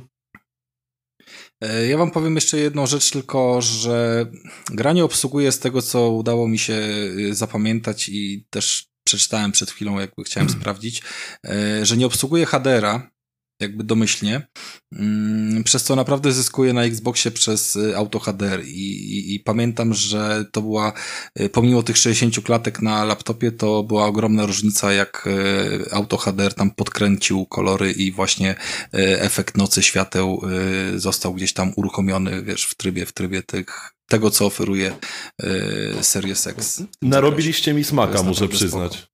Aż chyba siądę do tej gry. No, Może sobie Na przerwę pewno, na pewno zrobię. pogramy, bo ja też czekam, czekam właśnie na jakiegoś dobrego kopa. To chętnie się złapię na koopa w sumie, jak już coś tam sobie odblokuję. Czyli, czyli jak? Czyli co, Michał? Dobry finał? E, Chyba tak, no miałem lepsze gry, ale, ale jestem zadowolony. SnowRunner polecam. Znaczy, wiesz, ja spojrzałem w rozpiskę i zobaczyłem, że jest nowa mapa w Apexie, więc sorry. Nowy kurwa, tryb jest w Apexie, to nie jest Ach, nowa no, mapa. To jest zupełnie co innego. Tryb. Dobra, a co to za tryb? Ale E, tak w trzech słowach. W trzech słowach, nie- czyli 3 na 3 nowy tryb e, Battle Royale. Mm, na małej mapce z ekonomią. Kupujemy bronię, starcie 3 na 3 do trzech rund wygranych. Trochę krótkie, e, bo szybko się te rundy kończą i nie ma co za bardzo w tej ekonomii, żeby bronie kupować i, i zbierać pieniądze. I trochę ten tryb, to się nazywa tryb arena, trochę umiera. Apex pró- próbuje zmotywować graczy, dodając im, im paczki No okej, na zachętę, czyli to jest czyli kwestia tego, że po prostu nie ma 60 osób na planszę, więc robią 3 na 3 jakieś takie zespołowe rundy, tak? Tak, i po prostu bez odrodzeń e, ginie trzech, e, robi się lobby, kupujesz sobie broń i, i kolejna runda. I do trzech wygranych rund i runda się zmniejsza, to jest wybrany odcinek na mapie. I gracze trochę nie chcą w to grać, ale chyba grają, żeby po prostu zrobić sobie challenge do wbijania poziomu e, sezonu i, i paczki się dostaje, więc, więc gracze raczej zostają przy klasycznym trybie Battle Royale. E, Arenę warto jako ciekawostkę sobie obczaić. Ja się bawiłem dobrze, ale jednak wolę e, normalny tryb. Wspaniale. W takim razie, podsumowując, mieliśmy już dzisiaj e, ogromny smutek i stratę związane z informacją o Michale opuszczającym nasz podcast. Mieliśmy e, zgrozę, nudę i chęć samobójstwa przy ogrywaniu Magnificent Truffle Pix. E, mieliśmy niesamowite pot i łzy podczas pokonywania tych e, wszelkich ciężkich terenów w SnowRunnerze, a także niesamowitą torturę, jaką musiało być dla zapalonego Xboxowca kupienie PS5. E, W tym momencie przechodzimy do kolejnej, jakże e, przyjemnej z samej nazwy rzeczy, e, Green Hell, czyli Zielone Piekło. Krystiana tutaj wzywam do odpowiedzi, gdyż ograł taki tytuł i chciałby nam powiedzieć, cóż my tam ciekawego możemy zobaczyć. Słuchajcie, Green Hell, gra, która wyszła 2018 rok w Early Accessie na Steamie, później przerodziła się chyba dwa lata później w pełny tytuł, no i ten tytuł dokładnie, ja w ogóle mówiłem dwa tygodnie temu, że ja dostałem ją tydzień temu przed premierą, tydzień przed premierą, ale nie ogrywałem ją tak grubo jak teraz i teraz mogę wam o nim powiedzieć, więc w sumie gra ma chyba, no jakieś dwa tygodnie ma w sumie, e, na konsolach, bo ona wyszła teraz na konsolę. E, słuchajcie, e, cała zabawa polega na tym, że wcielamy się w Jake'a, Jake Huggins, Huggins ze swoją żoną. E, w sumie gramy tylko nim, ale, e, ale po prostu e, gra dzieje, znaczy fabuła toczy się e, w ten sposób, że po prostu e, jesteście na wyspie z żoną, ponieważ ogólnie jest, jesteście antropologiem, napisaliście parę książek, odkryliście nowe plemię w Amazonii i chcecie je zbadać, a dokładnie w sumie wasza e, wasza żona chce poznać te plemię, bo wy już o tym książkę napisaliście, no i w sumie wyruszacie sobie do Amazonii na, do Amazonii, do lasu, żeby, żeby po prostu poznać te plemię. I słuchajcie, to jest survival, ale to jest survival na pełnej kurwie. E, to jest taki Daisy, ale po prostu survival, e, ale bez zombiaków, po prostu jebany survival w Amazonii jest hardcorem. Jest po prostu hardcorem. Ja nie grałem w nic cięższego. Eee, gra, jest, gra jest w ogóle pojebana. Eee, słuchajcie, eee, żeby nie było, grę robiło polskie studio. Słuchajcie, studio nazywa się Creepy Jar i w ogóle przeczytałem, że parę osób e, z tego studia e, pracowało wcześniej w Techlandzie nad Dying Light i Dead Island. E, no i w sumie to jest dosyć dobra rekomendacja i ogólnie gra też dostanie ode mnie dobrą rekomendację. Słuchajcie, bo jest dobra. E, jest dobra. E, na początku poznajemy historię właśnie tej pary, oni sobie tam lądują na wyspie i pomału uczymy się tego wszystkiego, co na tej wyspie można robić, jak można na niej przeżyć. Więc oczywiście jakieś zbieranie patyków, rozpalanie ogniska, e, zbieranie różnych bananów, zjadanie tych bananów, później budowanie szałasów. Wszystko to, co jest nam potrzebne, żeby przetrwać w Amazonii. I to się robi w tej grze. E, później tam jest taki fajny samouczek e, na początku tej, tej fabuły. E, później e, skacze on, jak już nauczycie się tych podstawowych rzeczy, on skacze mocno do przodu i później dalej jeszcze mocno do przodu dowiecie się, że wasza żona została uprowadzona. No i cała gra będzie polegała na tym, żeby ją znaleźć, bo później zaczniecie od początku, będzie dzień pierwszy, później dzień drugi, dzień trzeci i tak dalej i po prostu będziecie, e, będziecie próbować znaleźć swoją żonę, będziecie się z nią porozumiewali i, wasza zabawa będzie polegała na tym, żeby po prostu znaleźć tą żonę i znaleźć też te plemię. E, jej się nic nie dzieje na początku, a później się dowiecie coś e, fajnych rzeczy. E, słuchajcie, ja, ja potem, e, ja w ogóle po tym wstępie zacząłem grać w normalny survival. Za, zacząłem sobie po prostu grać bez fabuły, tak żeby przeżyć. I to był w sumie mój błąd, ponieważ gra jest bardzo trudna ale jak mówię, bardzo trudna, to jest kuresko trudna. E, na szczęście twórcy zaimplementowali bardzo fajny e, wybór trudności, że możecie sobie po prostu, może być dużo mniej, możecie nie, e, nie pilnować paru rzeczy, możecie nie być zatruci, możecie w ogóle być tacy trochę nieśmiertelni, możecie sobie tylko zwiedzać tą wyspę. Jest tam, jest tam dużo fajnych rzeczy z poziomem trudności i faktycznie można go sobie fajnie ustawić, bo poza pięciom, pięcioma, pięcioma poziomami trudności, które że możecie sobie ustawić. Macie też dodatkowe opcje, które możecie jeszcze zmienić w grze, które też są bardzo dobre. I słuchajcie, i to był troszeczkę mój błąd, ponieważ tej gry trzeba się nauczyć i tę grę, no tr trzeba wiedzieć o co chodzi w tej grze. Ponieważ idziecie przez las, idziecie sobie przez las, słyszycie jakieś sy i upierdoli was wąż. I okazuje się, że jest wam źle, wymiotujecie i te, wszystko, wszystko się dzieje w tej grze i po prostu jak nie ogarniecie, jak wyjebać tą truciznę ze swojego organizmu, jak się ogarnąć, to za 24 godziny e, umieracie. Słuchajcie, ja, ja przez 24 godziny w grze, ja potrafiłem umrzeć trzy razy. E, bo ta gra jest tak trudna. Coś was upierdoli, i wy nie wiecie o co chodzi. Pijawki, no pijawki jeszcze są spoko, ale są inne takie, inne robaki, które jeżeli was upierdolą, to później macie temperaturę, to później e, żygacie, potrzebujecie dużo wody, później musicie się bandażować, później musicie znaleźć trutkę, specjalne liście. Jest od kurwy w tej grze rzeczy. Survivalowych rzeczy jest po prostu od kurwy. W ogóle dla mnie to jest bardzo dobra gra, jeżeli taki ala Bear Grylls, bo faktycznie można ją sobie odpalić i nauczyć się bardzo fajnych rzeczy. E, bardzo fajnych rzeczy, które mogą wam się przydać w życiu. Naprawdę. Krystian, ty, powiedz mi, jak to rzeczy... się ma do właśnie realnych no. takich mechanik. No ma, bo... właśnie ma, no właśnie, e, właśnie tak ta, ta, jak, znaczy wiesz, no Eee, może niektóre rzeczy są takie, wiesz, no naciągane, tak jak, nie wiem, rozpalanie ognisko, e, kamień o deskę, no, nie, znaczy, e, sorry, jakiś patyczek o deskę, pocieranie, no coś tam jest, dajesz suche liście, no mniej więcej tak to wygląda. Jeżeli, jeżeli byś był jakimś harcerzem, to pewnie coś, coś takiego by cię uczyli. Jeżeli chodzi o jakieś, e, no nie wiem, e, ta, takie normalne rzeczy, no znajdujesz w grze różne, różne grzyby. Nie wiesz, czy one są dobre, czy są niedobre. E, po jakimś czasie dowiadu, zauważasz, że aha, te żółte są spoko, mogę je wpierdalać, ale już na przykład te, nie wiem, niebieskie albo jakieś szare są chujowe. No i w, normalnym życiu, gdybyś pewnie je opierdolił coś takiego, to pewnie były, byłyby te same skutki, bo, bo w tej grze są naprawdę, e, jest, jest mocno symulacyjna ta gra. Faktycznie, może być ci niedobrze, możesz mieć temperaturę. Ale tam jest Możesz być odwodniony. rozbudowany? Słucham jeszcze raz? Mocno crafting jest rozbudowany do E, tworzenia kurwę, jakichś, nie w kurwę. wiem... Jest, jest w kurwę rozbudowany, możesz sobie zrobić, nie wiem, 8 szałasów, e, 10 łóżek, e, no milion rzeczy, jakieś oszczepy. Bronie, łuki. wyposażenie, łuki, wszystko jest, tak? Tak, tak, pułapki, wszystko. A czy ono się naturalnie dzieje? Bo ostatnio, wiesz, o tym Foreście gadaliśmy i, i tam wspominałem właśnie, jak mniej więcej wygląda kwestia tworzenia, że gra no, nie, nie tłumaczy od razu, ale też trochę podpowiada, że, że tutaj coś jednak można jeszcze tam kombinować. No nie wiem, no to, to Rafale masz tak. E, ma- masz taką opcję, że e, z, z takich podstawowych rzeczy. E, z dwóch kamieni robisz sobie taki kamień, którym możesz e, ciachać różne rzeczy. E, to jest jedna rzecz. E, Druga rzecz, że ten kamień, który sobie już tam pociachałeś, w sensie, że on jest ostry, ostro zakończony, jeżeli znajdziesz lniane i patyk, to możesz sobie zrobić z niego włócznie. Więc to, to są raczej takie, takie sensowne rzeczy, nie? E, tak samo ten, ten e, dwa kamienie, e, jak sobie je pociachasz, tak że masz jeden ostro zakończony, e, bierzesz sobie do małego kamienia i masz taki alamotek. E, więc ogólnie w miarę wszystko, wszystko jest to logiczne.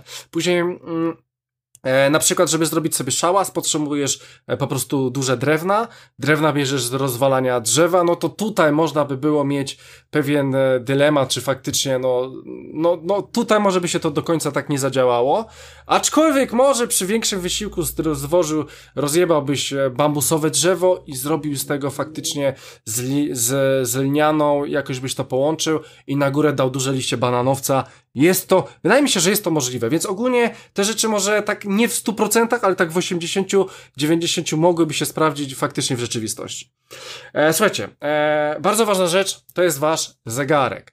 E, Macie zegarek w tej grze, który jest popierdolony, e, ponieważ on trzyma was, wam funkcje życiowe. E, Pierwsza rzecz to jest oczywiście woda, czy macie dobre nawodnienie, druga to jest białko, trzecia to są węglowodany, a czwarte to są tłuszcze. I o takie rzeczy trzeba dbać. Trzeba dbać, że musicie jeść czasami mięso, musicie jeść czasami jakieś owoce, jakieś orzechy, żeby te tłuszcze były. E, Woda, w wodzie jest, z wodą jest fajna rzecz, znajd- znajdujecie kokosa, rozpierdalacie tego kokosa swoim, swoim młoteczkiem. E, Później jecie sobie miąższ. Mm, Skąd wodę w Amazonii zrobić? No właśnie. E, kokosa macie rozłupionego na połówkę i te dwie połówki zostawiacie, a to jest Amazonia, tam często pada. W związku z tym po chwili, jeżeli to się wam napełni, to macie wodę w, w Amazonce. Jest tam, jest, jest, jeszcze jest tam bardzo dużo rzeczy, w jakie możecie ją pobierać, ale, e, ale to są takie podstawowe rzeczy.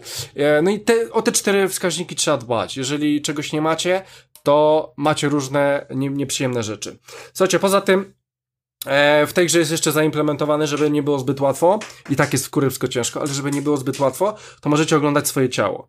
E, na przykład dostajecie ikonkę, że nie wiem, e, chodziliście po tych krzakach i macie ikonkę, żeby zobaczyć swoje ciało. No i możecie przejrzeć prawą, lewą rękę, pra, prawą, lewą nogę. E, no i patrzycie, o, na prawej nodze macie pijawkę, no to możecie ją sobie ściągnąć, spoko. Ale jeżeli, nie wiem, upierdoli was gepard czy coś, no to macie już otwartą ranę. No i tą otwartą ranę musicie jakoś ogarnąć. No jak ją ogarnąć? No właśnie. W grze jest, w grze akurat bym e, prawdopodobnie znalazł kości, rozwalił kości, miałbym igłę kościaną w tej grze, tak to jest to zrobione i tam pewnie bym coś e, znalazł do tej igły, żeby po prostu e, zasklepić sobie tą ranę, plus musiałbym znaleźć zioła, wiedział które liście, żeby to wszystko ogarnąć. Ogólnie jest naprawdę hardcore. E, fajne jest to w tej grze, zrobione, że macie tam e, taką jakby instrukcję rzeczy, które możecie budować. Jeżeli to są jakieś proste rzeczy, to po prostu z plecaka szybko, fajnie je łączycie. Jeżeli to ma być na przykład duży szałas, to klikacie na ten duży szałas, powiedzmy w waszej instrukcji e, i klikacie, gdzie on ma stanąć i po prostu już macie konstrukcję, do której dodajecie surowce. To jest spoko. Kolejną rzeczą jest bardzo, jest bardzo fajna, że w sytuacji, w której zdoby, zdobędziecie coś, takiego w miarę normalnego, jakiś specjalny kamień, czy jakiś bambus, czy coś, to od, odpala wam się w waszej instrukcji dodatkowa możliwość robienia coś z tego. Więc po prostu jak mam normalnie trzy sza, sza, szałasy drewniane, znajdę bambus, to mi się odpalą dwa nowe, plus jeszcze jakieś łóżka, plus jeszcze coś, bo znalazłem nowy surowiec. E, I mniej więcej tak to wygląda i jest to zrobione dobrze. Jest to zrobione dobrze i e, jest ok.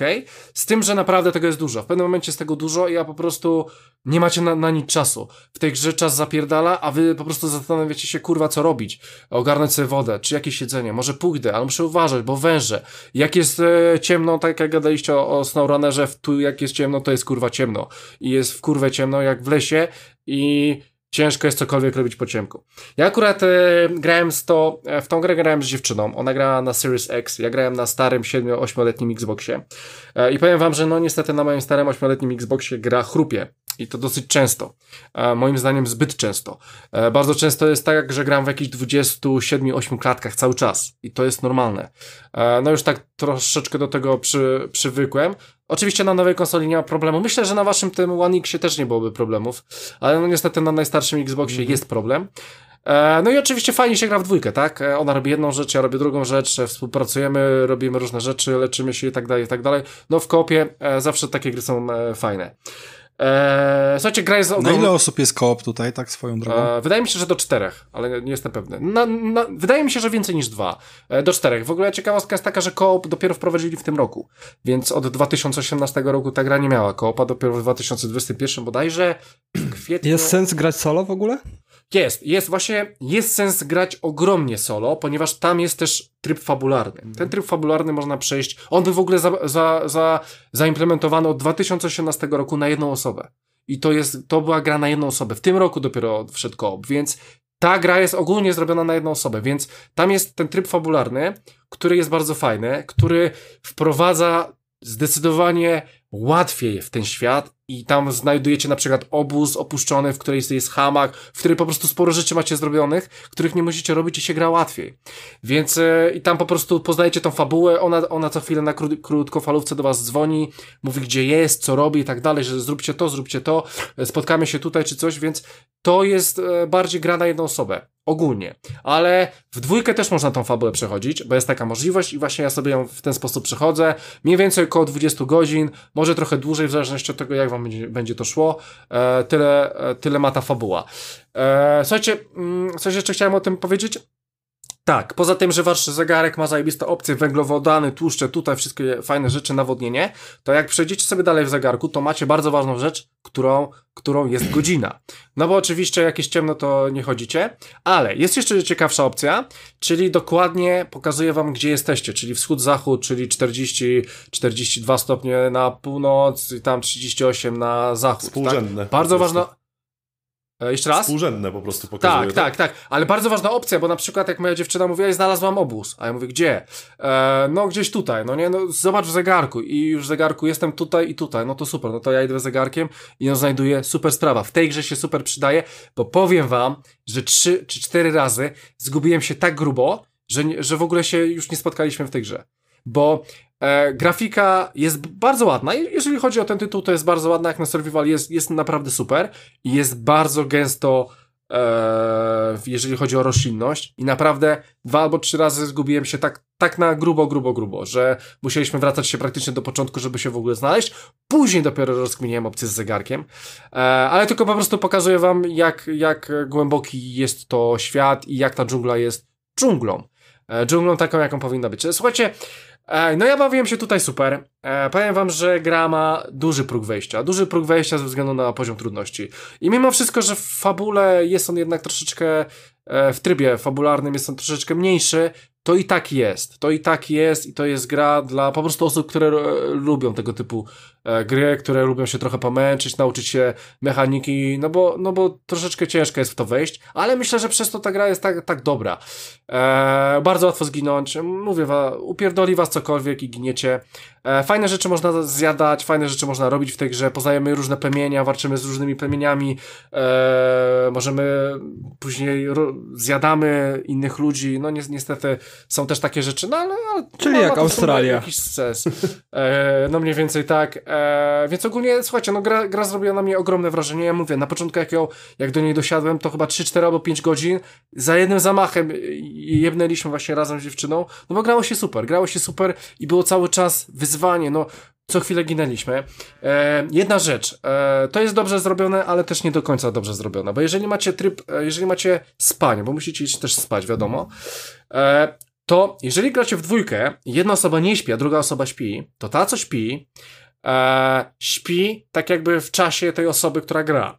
Więc e, moje 8 godzin normalnego snu to będzie jakieś pół godziny w grze, bo cały czas druga osoba gra. Więc najlepiej jest chodzić, starać się chodzić spać wieczorami i razem, bo wtedy jak razem pójdziecie spać w kopie, to ten czas pójdzie 8 godzin do przodu tak jak powinien. Jak w E, Minecrafcie. No, a... Ja chciałem a powiedzieć my właśnie, mieliśmy- że, że dokładnie jak w Minecrafcie.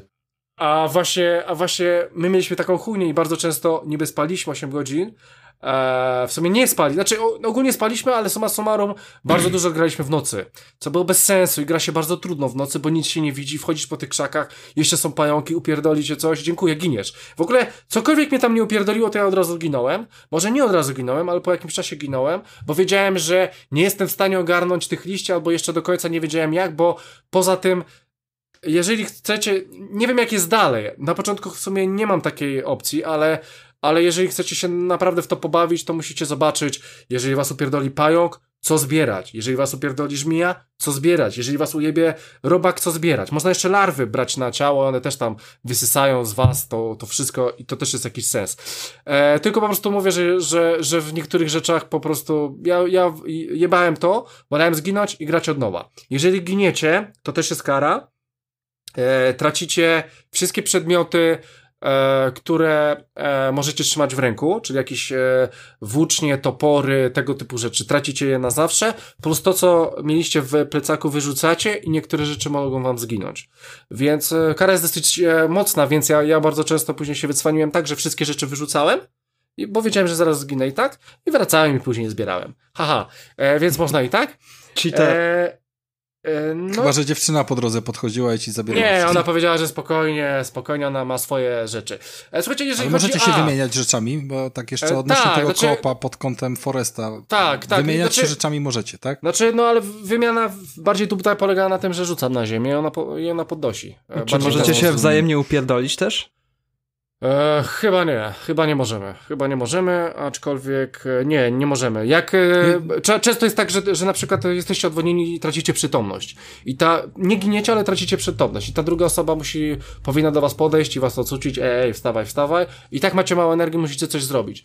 E, zresztą widzicie, jak tutaj jest. Tu, tu jest e, pojawia się du- dużo ikonek. Jeżeli jesteście odwodnieni, to macie informacje. Jeżeli jesteście zatruci, macie informacje. Jeżeli jesteście e, zatruci, ale na, na przykład macie, macie jakąś chorobę, to też macie ikonkę. I, i ona będzie spadać, ale będzie też spadać wasze zdrowie, wasze samopoczucie i wszystko, co jest z tym związane, więc, więc po prostu ginąć w tej grze jest banalnie łatwo i trzeba na to uważać. Ja jeszcze powiem o jednej kwestii, o sterowaniu na padzie, ponieważ nie jest niestety one intuicyjne, tak jak na, na pewno na e, komputerze i bardzo, bardzo mnie to wkurwiało, jak musiałem się opatrzyć, musiałem wejść, prze, wejść sobie e, koło menu, znaleźć to, kliknąć w niego, później otworzyć plecak obok, żeby z tego plecaka wziąć sobie na przykład na moją nogę jakiś bandaż czy coś, co sobie zrobiłem z liści. E, I strasznie było to nieintuicyjne i skakanie po tym plecaku bardzo mi się to nie podobało. E, no i jest to średnio rozwiązane. Nie wiem, czy by dało się lepiej to rozwiązać.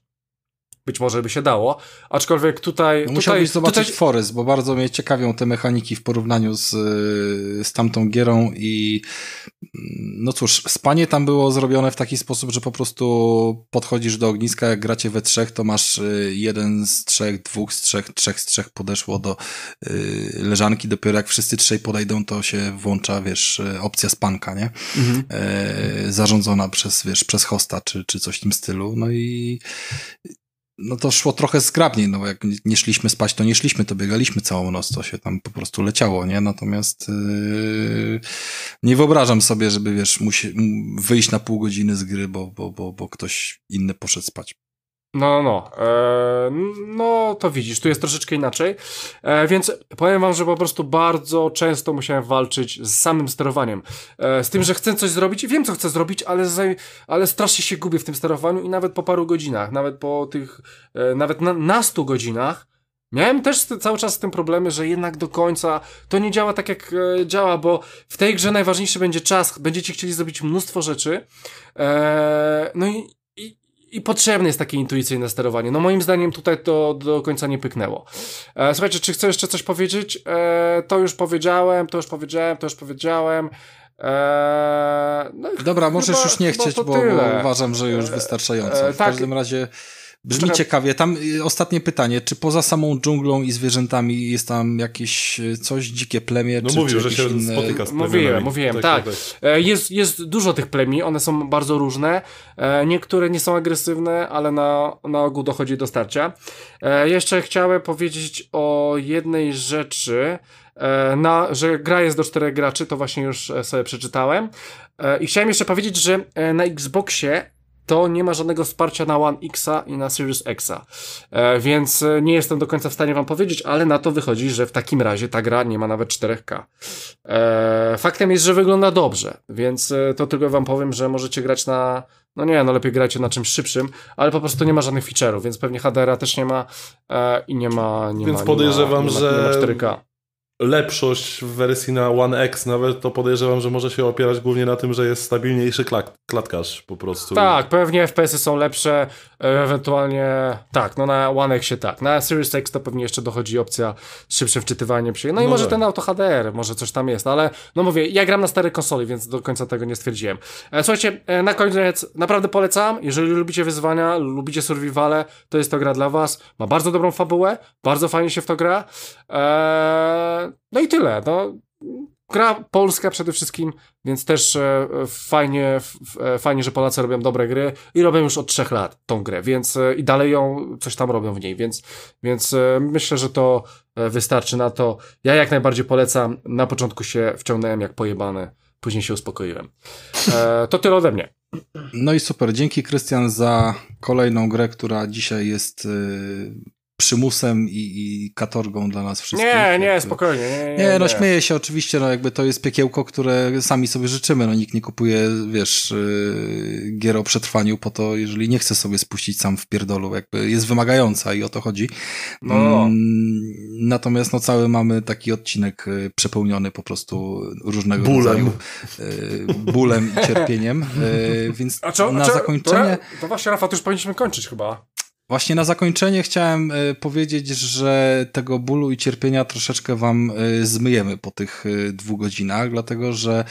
A ty jesteś pewny, Rafał? Ty jesteś pewny tego? Jestem pewny, wchodzimy przecież, y, przecież jesteśmy na Patronajcie, przecież mamy naszych kochanych patronów, którzy y, w związku z tym, że nas wspierają, mogą liczyć na więcej treści i tą treść właśnie zaraz dostaną, bo wjeżdżamy z Ratchetem. Y, Ratchet jest trzecią grą po, po Returnalu i po wcześniejszym Biomutancie, czyli wszystkie stosunkowo świeżutkie, premierowe tytuły właśnie dzięki patronom ograne i w kolejce są już kolejne dwa, więc za dwa tygodnie też y, myślę, że czymś tam w miarę ciekawym wam, was zaskoczymy. Y, no i z uwagi, że mamy odcinek drugi w tym miesiącu i ostatni, to trzeba też powiedzieć, na kogo się składa ta lista patronów. Tym, tym razem polecę mm, w innej kolejności niż było to zapisane wcześniej. Mamy dwóch anonimowych patronów plus pana, który się określił mianem okularek, a poza tym jest to Paweł Łukasik, Ula Ziółko, mm, nasz Tomek Zawadzki, e, którego pozdrawiamy jako e, byłego bezimiennego, Adam Struzik, Dariusz K., Igor Wołoski. E, dziękujemy i lecimy dalej oczywiście z tematem Ratchet, czyli coś przyjemnego na koniec. Ratchet ekskluzyw na PS5. Nie pierwszy, ale chyba pierwszy tak mocny i głośny, który mm, no, Bądź co bądź zewsząd y, słyszymy te same głosy na temat Ratcheta, że pokazuje on wreszcie czym są next geny, tak? I ma on y, zaprezentować nam jakie możliwości tutaj skrywają te konsole. Czy to robi i w jaki sposób? Y, Zdecydowanie od pierwszego kontaktu z tą grą widzimy naprawdę zjawiskową grafikę. Nawet jak to nie są przeogromne miasta typu, typu y, Night City w Cyberpunku, to te miasta wyglądają po prostu ciekawiej. Tam jest mnóstwo życia, tam mamy sceny y, na dzień dobry przypominające piąty element, gdzie kilka pięter y, pod nami i nad nami latają jakieś samoloty, znaczy samoloty, w sensie samochody, które są, są latające, tak jak wyobrażamy sobie przyszłość. E, jest tego od groma, tak? Samych tych samochodów e, zwykle widzimy na ekranie naraz kilkadziesiąt, wszystkie są w ruchu, nie jest to żadna jakaś tam, wiecie, wczytywana bitmapa, bo co chwilę się odpala inny.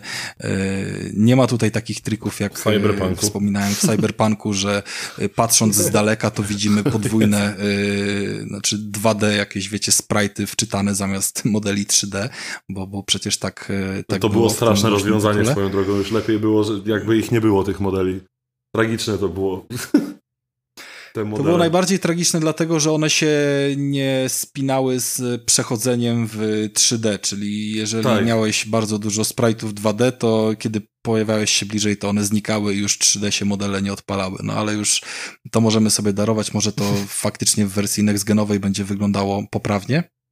E, natomiast tą next-genową jakość mamy w tym raczecie od początku i faktycznie ją czujemy. I gra trochę, umówmy się, no jakby to jest y, w dużej mierze rozgrywka zaplanowana przez y, twórców, tak? To nie jest open world. Tutaj, jeżeli mamy jakiś y, moment, który gra chce, żeby nam się odpalił, to on się odpala i jesteśmy niejako mm, prowadzeni w stylu, w stylu różnych głośnych hitów, jak, nie wiem, pościg w Uncharted, czy, czy inne tam sceny ucieczek z Tomb Raidera. Tutaj mm, takich momentów również spotkamy wiele, przy czym wyglądają one tak zjawiskowo oraz pozostawiają jeszcze nam znamiona kontroli postacią, więc y, czujemy, że to nie jest jakiś filmik. Y, no i przede wszystkim odstawiają się te sceny z wczytywaniem innych wymiarów, bo Ratchet jest Ratchetem takim, jaki był wcześniej, tak? Mamy mnóstwo rozpierdolu, mnóstwo śrubek, y, ogromną ilość broni, które są mniej lub bardziej zwariowane, może nie wszystkie, y, znaczy inaczej, no każda ma swojego amatora, tak? I, i do strzelania się nadaje y, do faktycznego rozpierdolu coś innego, a do podchodzenia w, w jakiś ciekawy sposób y, do niszczenia wrogów y, coś innego, ale jednak 20 broni, z których każda jest inna, daje nam wybór tej y, rozgrywki i trochę możliwości zabawy nią. Tutaj zawsze mamy pewien niedosyt amunicji, y, żeby jakąś mocną falę wrogów rozpiździć, to, to często trzeba te bronie pozmieniać i co najmniej 3-4 z nich użyć na, na zakończenie powiedzmy takiego killrooma. E, ale przeskakiwanie między wymiarami, o którym chciałem powiedzieć, no jest niejako efektem y, tego szybkiego wczytywania y, się możliwego tam przez ten dysk SSD na PS5, mm, który Insomniac przetestowało, wydaje mi się, dosyć już mocno przy Spider-Manie. E, jak rozmawialiśmy o Spider-Manie, to wspominałem o tym, że tam wyjście z pomieszczenia, w którym y, robiliśmy sobie jakąś y, misję, nie polegało na uruchomieniu ekranu wczytywania, tylko na wystrzeleniu się przez linę przez jakieś okno. I przelatywanie przez to okno tak naprawdę było taką y, półsekundową czy tam sekundową animacją, kiedy wszystko powiedzmy na ekranie było rozmyte i wylatywaliśmy od razu na ten wielki Nowy Jork, który znaliśmy i lubiliśmy. I tutaj bardzo podobnie wygląda przechodzenie przez te wymiary, gdy po prostu mamy tą scenę od razu pierwszą na dzień dobry, kiedy gra stara się nas y, wykopać z butów i, i, i gdzieś tam stłamsić, pokazując jak bardzo jest zajebista. E, I szczerze mówiąc, w tamtym momencie stwierdziłem, dobra, wow, to jest zjawiskowe, to wygląda super, ale naprawdę mam wrażenie, że to już widziałem w Spider-Manie, tak? No jakby dwusekundowe czy pół, czy, czy jednosekundowe wczytanie się y, całej mapy już to gdzieś widziałem. No i okej. Okay. Ale na szczęście potem tą konwencją się twórcy jeszcze bawią na różne sposoby inne. I takie momenty, nie wiem czy Krystian tam już e, doszedł do tego momentu, bo on zaczął później grać, e, ale mamy, mamy takie mapy, dwie, w których e, możemy spotkać takie kryształy. Te kryształy też mają związek z tą wymiarowością i w gruncie rzeczy nikt inny, tylko raczej to oczywiście wie, że jak zapierdoli w taki kryształ z klucza, to się wymiary zmieniają. I zmieniają się tak naprawdę do alternatywnego świata, czyli trochę w stylu medium tutaj odpalamy sobie klimat. No i jesteśmy, załóżmy, w takim, na takiej górniczej mm, planecie, która no jest rozjebana w pył, kiedy na nią przylatujemy, to ona tak naprawdę nie ma jądra, nie ma grawitacji, wiecie, to jest po prostu zniszczona planeta, jakieś ruiny kopalni, yy, ale znajdujemy na niej ten kryształ i kiedy zakurwiamy go z klucza, to ta planeta mm, w rozbłysku światła, w yy, ułamek sekundy wczytuje nam się w trybie takim, jakim była w innym, jakim jest w innym wymiarze, czyli krótko mówiąc, jaka była kiedyś. I wtedy sobie wbiegamy, tam sobie radośnie skaczą ludzie, mamy wszystko, wiecie, yy, pra prawidłowe, pracujące i tak dalej. No i znów spotykamy moment, w którym yy, nie możemy się przedostać dalej, ale obok jest dziwnym trafem ten fantastyczny kryształ, więc znów go zakurwiamy w klucza i znów widzimy tą rozpiżdżoną planetę, która po prostu obok akurat ma jakąś platformę, dzięki której przechodzimy sobie yy, dalej. No i to nie jest tak, że mm, takie operacje są powiedzmy dwie albo trzy, bo żeby nie skłamać wszystkich kryształów w grze, z tym jest jedno chyba trofeum nawet związane, jest 29, tak, na tych dwóch planszach rozsianych, więc troszeczkę się tym musimy pobawić, tą, tą y, konwencją i fajnie, że to w ten sposób y, rozwiązali, trochę inne niż tylko typowe przeskakiwanie. Kolejną rzeczą, w którym możemy spotkać fajny efekt i, i, coś, czego wydaje mi się, no nie widziałem w żadnej grze, chociaż też wiem, że to jest oczywiście na jakby sztuczkami różnymi nafaszerowane, plus, plus tym dyskiem. E, to jest opcja, że takie kieszenie wymiarowe, ala przedmioty, e, znaczy levele bonusowe widzimy gdzieś tam bezpośrednio na planszy. Czyli sobie podchodzimy e, do takiej wyrwy, która gdzieś tam nam się wyświetla, no i widzimy, że po drugiej stronie jest inny świat. W ogóle zupełnie coś innego. To nie jest jakaś duża mapa tam po drugiej stronie, to nie tak, że się przenosimy, wiecie, z, z GTA Vice City do San Andreas czy, czy innego Los Santos, tylko po prostu wchodzimy sobie do takiego poziomu bonusowego, który mi osobiście przypominał e, levele z Crasha Bandicoota, tylko tam wymagały one wskoczenia na jakąś platformę, przetransportowania się troszeczkę gdzieś tam, w tym czasie się ten level wczytywał i sobie gdzieś tam zaraz skakaliśmy. A tutaj przechodzimy przez tą taflę lustra i jesteśmy już w środku, od razu. Dosłownie przez ułamek sekundy możemy zaobserwować, jak yy, wczytują się inne efekty świetlne, bo, bo, bo kieszenie mają taką dosyć charakterystyczną swoją, yy, powiedzmy taką Yy, konstrukcja oświetlenia, tam jakiś kosmos jest z tyłu i po prostu yy, zupełnie, zupełnie inne jakby barwy na nas yy, uderzają z tego świata. Z kolei wejścia do tych kieszeni są na różnych planszach rozrzucone, niektóre z nich są jakieś ciemne, drugie rozświetlone, więc, więc zawsze ten efekt przeskoku gdzieś tam się pojawia, e, ale wygląda to fajnie i my widzimy, że to jest wczytane naraz tak jakby z obydwu stron. Możemy sobie tą kieszeń czasami nawet obejść e, dookoła w niektórych miejscach. Możemy e, zobaczyć, że nic się nie dzieje, kiedy przechodzimy obok, ale jak wskakujemy w tym miejscu, to jesteśmy tam natychmiast bez żadnego ekranu wczytywania. No i to naprawdę robi wrażenie. To są rzeczy, których po prostu jeszcze do tej pory na konsolach ani na komputerach nie widzieliśmy. Jest to faktyczna, całkowita rezygnacja z ekranu ekranów wczytywania, nie udawana powiedzmy takimi, wiecie, mm, poznanymi na zeszłej generacji momentami, kiedy musimy przejść przez y, ciasne jakieś pomieszczenie w Tomb Raiderze, czy Uncharted, czy God of Warze pomiędzy skałami albo pod jakimś konarem drzewa i wtedy wiemy doskonale, że konsola nam po prostu doczytuje kolejny obszar y, w grze. Było to fajnie udawane, ale znudziło się po siedmiu latach i, i teraz właśnie w ten sposób wygląda y, nowy styl braku wczytywania w grze.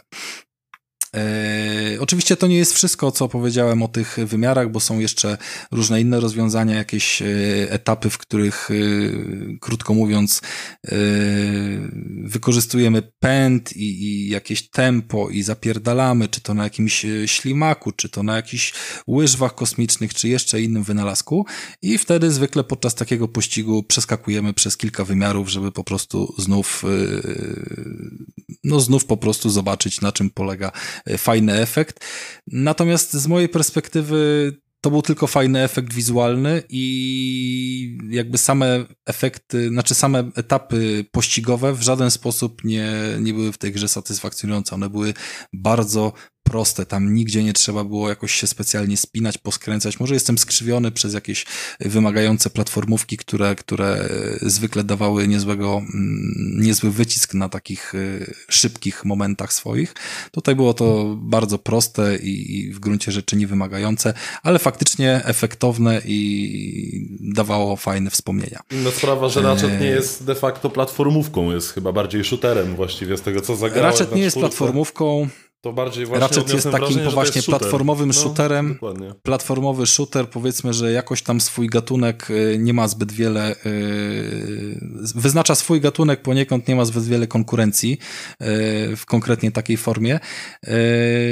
I ja tam chyba niepotrzebnie chciałem wskoczyć w niektóre miejsca. Kilka razy się złapałem na tym, że chcę coś zrobić, a tak naprawdę twórcy gry wcale nie zaplanowali, że ja to teraz zrobię, bo na przykład yy, na jedną z plansz wracamy później po pewnych wydarzeniach, które powodują, że ona ma jakieś tam inne elementy. Ja na przykład jedną lokację y, mocno triggerując się i, i tam upierając, że dotrę tam kurwa, no i dotarłem, wykorzystując tak naprawdę jakieś chyba dziury w, wiecie, w kodzie gry, yy, praktycznie rzecz biorąc, yy, i wskoczyłem i zwiedziłem jakąś mapę, którą mówię, kurwa, tu powinno coś leżeć, jakaś złota śrubka, coś fantastycznego do zdobycia, tak trudno się tu było dostać, a tam nic nie ma. I w ogóle jeszcze, żeby wyjść z tej mapy miałem problem, z tego, z tej jednej wysepki, która tam gdzieś była, bo jak spadałem do, yy, do wody, to się resetowałem z powrotem na tej wyspie, a ona była zbyt daleko od innego lądu, żeby gdzieś, żeby gdzieś się z niej wydostać, więc nie dość, że było się ciężko mm, na nią wspiąć, to jeszcze, jeszcze był problem, żeby uciec. No i tak naprawdę nie ma żadnych save'ów ani niczego, żeby się gdzieś przeteleportować. No ale się udało, nie zablokowałem się jak gra wróciła do tej planszy w etapie jakimś tam swoim kolejnym y, drugim, to się okazało, że dopiero wtedy y, udajemy się na tą wysepkę i tam jest coś powiedzmy istotnego, zaplanowanego fabularnie, więc y, nie ciśniemy w Ratcheta specjalnie, żeby go super wymaksować, jeżeli ta gra za specjalnie nam na to nie pozwala. I ona w sumie tego za dobrze nie tłumaczy. Był moment, w którym też się zblokowałem yy, i dokładnie w tym samym momencie Krystian się zblokował, napisał do mnie, ty co ja kurwa muszę tutaj zrobić, bo latam tym smokiem, a nie mogę zbierać yy, tego świństwa, co trzeba nim zbierać. Yy, no i właśnie, można latać i próbować kombinować na różne sposoby, a okazuje się, że trzeba najpierw pozbierać świństwo z ziemi, potem smok dopiero się nauczy ziać ogniem i dopiero będziemy mogli pozbierać tą resztę i tego niestety nie dowiadujemy się od gry, tylko od własnego wkurwienia. Yy, albo kolegi, który podpowie. E, ale to są wpadki bardzo sporadyczne i dosłownie mógłbym ze trzy na całą grę policzyć takie, takie momenty, które e, jakąś tam drobną irytację tego typu wzbudziły. I w gruncie rzeczy no cała historia pochłonęła mi około 20 godzin e, rozgrywki.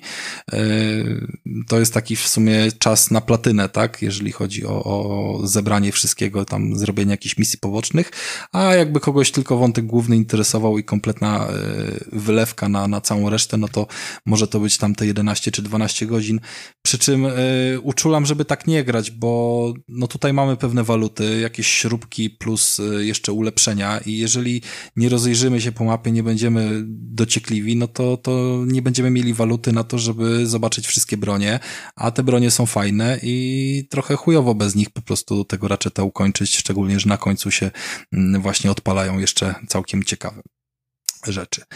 No to tak, y, to tak na dzień dobry. Nie wypowiadałem się jeszcze w temacie grafiki, bo ona zwyczajnie jest zajebista. Mamy tutaj poziom, y, moim zdaniem, lepszy niż y, kinowy Ratchet, który w 2016 roku przy okazji gry miał premierę i wszystkie scenki są tutaj oczywiście puszczone od razu na silniku gry, nie tak jak w tym Ratchetie z PS4, który odpala jakieś y, zapisy, właśnie fragmenty, nie wiem, z filmu czy coś w tym stylu, co, co jakoś wyburza i, i kijowo trochę wygląda.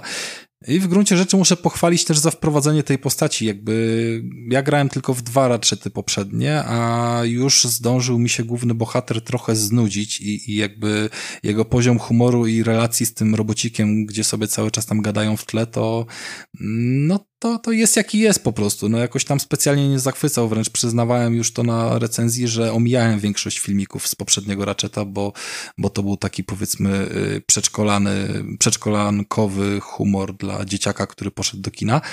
A tutaj nie ominąłem ani jednej scenki i naprawdę fajnie się y, wszystkie te dyskusje y, między bohaterami y, wsłuchiwało. Co więcej, nie chcę robić spoilerów, nie jest to powiedzmy może aż tak istotne w takiej grze, ale wydaje mi się, że w sposób, w jaki ona tutaj się bawi tą fabułą i wykorzystaniem tych bohaterów, których y, poznajemy, zarówno nowych, jak i niejako odpowiedników starych bohaterów w nowych wymiarach. No można się było tego spodziewać w sumie, więc to nie jest spoiler. Y, no i oni oczywiście mają jakieś tam swoje inne cechy, inne charaktery, a tutaj nam się to wszystko ładnie miesza i dzięki temu się robią ciekawsze, ciekawsze rzeczy. To tak od tej strony. Y, no i słuchajcie, no wypada chyba poprosić Krystiana o jakieś jego wrażenia pierwsze z tego Ratcheta, bo przecież no jakby od takiej pozycji zaczynać przygodę z Playką to w sumie cała przyjemność. E, słuchajcie, przede wszystkim jak odpaliłem tą grę, e, to faktycznie, no, no Pixar. No, no normalnie jakbym grał w Pixara, szczególnie e, najbardziej chyba mi, nie wiem czy oglądaliście coś takiego, co się nazywało Odlot, po angielsku Up. Tam był dom, na którym, e, który, na którym było od groma balonów, kolorowych balonów i ten dom się unosił. Ja miałem w ogóle takie wrażenie, taka kolorystyka była w początku tej, gry, tej grze, zrobiło to na mnie naprawdę ogromne wrażenie. Z drugiej strony tak sobie stwierdziłem, czy nie jest to troszeczkę przesadzone, e, czy ten świat nie jest też taki mm, e, e, zamknięty, przez co nie mogą wprowadzić takie rzeczy, no ale później jednak Ratchet ma otwartą strukturę i ten świat jest otwarty, te mapy są duże, w miarę duże. E, w związku z tym, no grafika robi, no, no, no to jest, to jest naprawdę piękna wizytówka nowej generacji. Nowej generacji ogólnie, mówię jako ogólnie nowej generacji, o nowych konsolach, e, na pewno o PlayStation 5 e, tym bardziej. Słuchajcie, i na początku też byłem sceptycznie nastawiony do tej gry. Przede wszystkim dubbing, który jest całkiem w porządku, jest solidny, nie, wyróżnia się, ale nie razi, więc po Outridersach czy nawet spierdolonym Biomutancie miałem z tym problem, ale tutaj, tutaj jest w porządku. E, dałbym tam taką siódemkę samemu dubbingowi. E, szybko o nim zapomnę, ale, ale nie razi. Można, można naprawdę grać e, wykorzystując ten dubbing. Nie to co w Sunset e, Overdrive. E, to, to nie wiem, to akurat nie wiem. E, chcę powiedzieć, że miałem po prostu obawy o sam gameplay, czy to, to nie będzie dla mnie zbyt dziecinne, no bo, no bo to się takie wydaje dziecinne, no.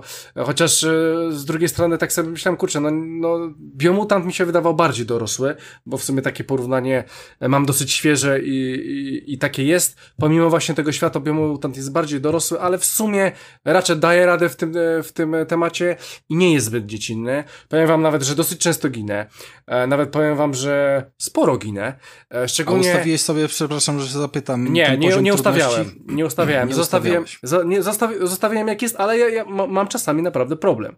E, mam czasami problem, muszę powtarzać e, misję czasami 3-4 razy, bo ginę przy jakimś bosie czy coś. E, tam e, miałem takie fale, tam dalej, dalej, dalej. Na, na jednej dużej mapie były fale, e, przy tym komputerku e, ten robocik coś tam majstrował, ja musiałem go bronić i tam chyba z parę razy zginąłem. No pamiętam ten moment. E, słuchajcie, e, więc e, gameplayowo jest ok. miałem wrażenie, że będzie trochę nudno, że będzie mi się to nudziło, ale przez to właśnie, że to co Rafa powiedział, tam jest od groma broni, co chwilę coś dochodzi. I jest coraz trudniej i fajnie, że ta gra właśnie tak się, taki progres fajny w niej idzie, nie tylko w broniach, ale też w całym gameplayu e, różne dodatkowe elementy gry dochodzą do tej gry, co też jest bardzo fajne, powoduje właśnie, że cały czas chcę w nią grać. I to, co Rafał powiedział, że, że, e, że nie ma sensu przechodzić całą fabułę, tylko fajnie jest coś tam e, pozwiedziać przy okazji, zrobić quest albo coś, to powiem wam, że na początku chciałem tak robić. E, w sensie, że po prostu przez nią przejść, ale, ale później, później po prostu w jakiś dziwny, automatyczny sposób e, zajarałem się troszeczkę tą grą i po prostu sam chciałem robić te questy. Szczególnie, że e, tam chyba poboczne questy wypadają jeden na całą, e, na całą mapę, więc tego nie jest dużo.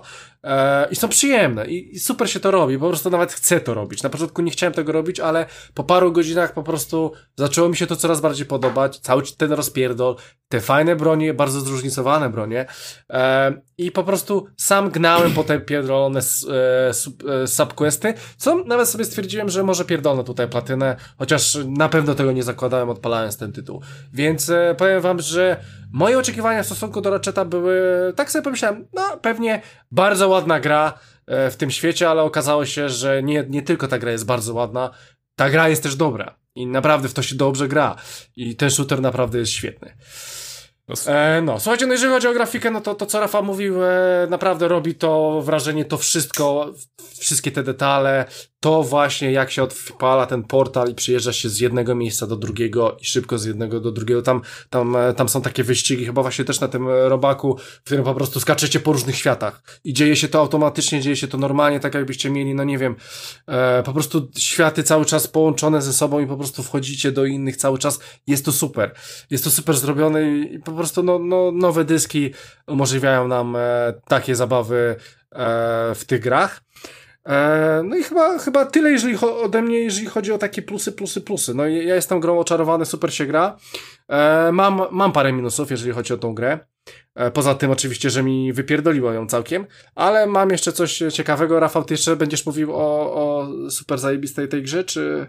Czy... Nie no, jeszcze, jeszcze coś mam do powiedzenia, ale możesz śmiało na razie lecieć, jak wiem, co chcę. A chciałbym się jeszcze no dobra, zapytać o coś, y, no. jedną rzecz, bo słyszałem takie drobne zarzuty y, w kierunku tej gry, że, że owszem, ona jest piękna i, i niesamowite wrażenie robi właśnie oprawą, natomiast w niej się praktycznie, z tego co słyszałem, nic właściwie nie zmieniło pod względem gameplayowym, że że gra strukturą się właściwie nie różni praktycznie od Ratcheta na PlayStation 4. I się chciałem odnieść do tego, Zgadzam czy, czy się, to Mikołaj. jest ogóle, czy to jest właściwie wada, no bo jakby po co zmieniać coś, co jest dobre, znaczy, tylko jak się, długo jeżeli, jeszcze jeżeli... będą mogli to pociągnąć, co uważacie na ten temat? Wiesz co, na pewno ja grałem w poprzedniego Ratcheta, tak jak powiedziałem, tam w jakieś dwie sztuki, jedną z PS3, drugą z tą z PS4. Mm -hmm. yy no jakby nie patrzeć, jest to to samo, mm -hmm. tak? Tylko, że no Gran Turismo to też jest to samo od zawsze. No tak. I Crash Bandicoot to też jest zawsze Zgadza to samo, się. tylko z jakimś tam ulepszeniem. Tutaj też mamy kolejne jakieś ulepszenia. Yy, jakieś nowości dochodzą yy, również w zakresie sterowania postacią i to nie jest jakby jeden do jednego to samo sterowanie. Dochodzi nam przede wszystkim taki yy, niesamowicie przydatny, może wręcz trochę za bardzo ułatwiający, chociaż to, tak jak mówię, poziom trudności można sobie podkręcić i nawet ten normal nie jest taki wcale y, banalny. Y, I wykorzystując jakby ten, ten rush, który pozwala nam nawet przeskakiwać przez wrogów i przeszkody, taki trochę teleportacyjny, y, no nie powoduje, że czujemy, że to jest ta sama gra, tak? Mamy mhm. niby zwykłą linkę, która jest no dzisiaj powiedzmy, że obowiązkową rzeczą w wielu grach. Yy, oczywiście tylko w niektórych miejscach możemy z tej linki korzystać, ale korzystanie z tej linki w jakiejś zwykłej grze, gdzie się przyciągamy, a korzystanie z niej tutaj to jest zupełnie inny efekt, bo tutaj niejako się teleportujemy do kieszeni, która tam gdzieś jest zaznaczona. A tak, widziałem, tak? widziałem to na gameplayach, to bardzo fajnie wygląda. Tak, to jest jakby, to jest teoretycznie zwykła linka, ale po prostu już wygląda zupełnie inaczej i to nadaje niesamowitej dynamiki i tempa. Tam naprawdę się potrafi dużo dziać na ekranie i nie działo się tyle w poprzednich częściach, więc mhm. y, to jest po prostu ten sam pyszny, dobry burger, tylko z jeszcze lepszymi dodatkami, większą ilością bekonu, sera i jeszcze fajnymi dodatkami, których nie mieliśmy wcześniej. No i teraz kurwa jestem głodny. E, no, ale, tak, e, tak to mniej więcej wygląda. E, chodzi o to, że po prostu wszystkiego jest więcej i na bardzo wysokim poziomie. No bo to jest, to jest jednak grafika, której nie wiedzieliśmy wcześniej. No i pewne elementy mm -hmm. tej grafiki nigdy, nigdy żadna gra nam tego nie zaprezentowała. Tak, my, myślę, Rafał, że samo to jest po prostu czymś, co zachęci, nie? I przede, przede wszystkim sama gra, sama rozgrywka w tej grze jest bardzo fajna, jest bardzo przyjemna, bardzo dobrze się to gra, w bardzo fajnym sosie, w zajebistej grafice, w zajebistymi broniami, czego jest po prostu od groma. Macie fajne uniki, możecie skakać, macie te rakiety, możecie jeździć na różnych żuczkach. Po prostu cały ten świat przedstawiony i to wszystko, co się w nim znajduje jest, jest, jest dobrze, e, jest dobrze i fajnie zrobione. Gra jest po polsku, więc e, po prostu to super, no, no, nie wiem, no, ja na początku byłem sceptyczny, bo podchodziłem tak jak ty, Mikołaju, że właśnie będzie to ta, to samo, pleple, trochę postrzelam i pewnie wypierdola, mm -hmm. ale mhm. nie, no kurwa, chce mi się w to grać. Ja pewnie po to, tym To nie podcaście... jest taki efekt, że masz starą grę podniesioną do 4K. To no nie, kompletnie no to nie jest, taki efekt. Mm -hmm. Zupełnie, zupełnie inna jakość. Nie wiem, nie ogrywałem jeszcze wszystkich tych gier, e, ale wydaje mi się, że to jest najładniejsza gra e, na Playce 5 e, jaka chyba jest. Myślę, że to może być właśnie no, na pewno jest najładniejsza, gra, wyszła bo... właściwie. Myślę, że można tak powiedzieć, tak, bo, bo, bo ja wszystkie odpalałem w sumie tytuły poza tym, yy, tym, tym takim mieczykowym, którego nikt nie chce grać. Demon Souls. Nie, nie, nie, nie, demony odpalałem. Nie odpalałem tego, co było na samym początku.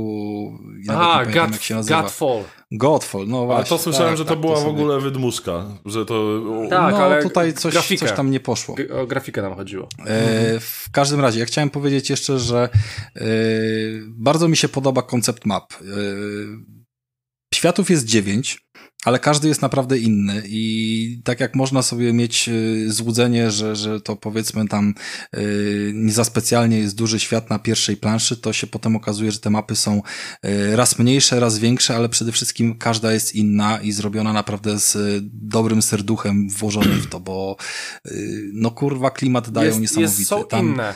Wyróżniają tam się. przy, wyróżniają się, poza tym jak słuchajcie, po jednej mapie jak się chodzi, e, Krystian jeszcze do niej e, nie dotarł z tego co wiem, ale jest tak niesamowity klimat obcego, zresztą do wielu tam popkulturowych klimatów możemy się e, nawiązywać, jak chociażby cyberpunki, tudzież, tudzież inne Blood Runnery mm, na samym początku, ale ten klimat obcego potem niesamowicie mnie zniszczył i tam wiecie, jakaś porozlewana woda, oczywiście ray tracing w tej wodzie się odbija, światła mrygają, bo, bo po prostu jest tam brak zasilania gdzieś tam na jakiejś bazie czy coś w tym stylu. Wygląda to niesamowicie, a zaraz jesteśmy na innej planecie i, i robimy coś zupełnie innego. Więc jest spoko. Ja powiem wam, e, tak, to, to jeszcze e, dopowiadając do Rafała, że po prostu grając w to, w tego Ratcheta, naprawdę chcę się w niego grać. Ja naprawdę chcę, chcę w to grać. Ja po prostu mam na niego ochotę. E, I chcę po prostu wrócić do tego świata. E, mów, mów dalej, Rafał. No, powiem ci tak, potwierdzam to samo, bo nie miałem takiej gry od chyba czasów jakiegoś Spidermana, żebym tak y, mocno orał pada, żeby się rozładowywał i żebym go zmieniał na drugiego i, i żebym y, w tydzień od premiery zrobił platynę, pomimo, że pierwsze trzy dni zdychałem na y, poszczepionce i tak naprawdę odebrałem grę w piątek, a uruchomiłem ją w poniedziałek, tak po prawdzie. Pom- Pomijając oczywiście jakiś tam tutorial, który zrobiłem ledwo żywy i go nie pamiętam. Więc. y, To ładnie cię klepła ta bez- szczepionka. bez- no, swoją drogą ładnie. Pierwszy raz miałem temperaturę 38,5 chyba w życiu, więc y, poszło. No ale grunt, że Ale, już ale przynajmniej wie, wiesz, że działa, tak? To. Wiem, że działa. Dobrze dokładnie. To- weszło, To, no. przynajmniej jest. Tak, jak, y, jak pali w gardle, to znaczy, że weszło. No, to, A, to się znieczulałeś przy okazji. E, Ra- Rafale, dobra, bo no niestety nie jest to dziesiątkowa gra. Czemu? Mm, Czy masz jakieś, czy znalazłeś jakieś e, problemy w tej grze? Bo ja znalazłem, dokładnie będą to trzy. Ale zacznij ty, bo ty jesteś fanem e, niebieskich, więc może nawet nie znalazłeś. Znaczy, wiesz co, yy, znaleźć znalazłem. Trafiły mi się oczywiście jakieś glicze. Yy, nie, nie wczytał mi się, załóżmy, jakiś tam, wiesz, yy, sekwencja przy wrogu i on po prostu sobie lewitował i musiałem tą walkę powtórzyć, to przy której ty się tam ginąłeś kilka razy. Yy, to ja się musiałem sam zabić, bo po prostu mi, wiesz, O, proszę. zblokowało jakiś stateczek. To po, po, po i tak szczepionce może miałeś, miałeś ochotę się Yy, zabić już.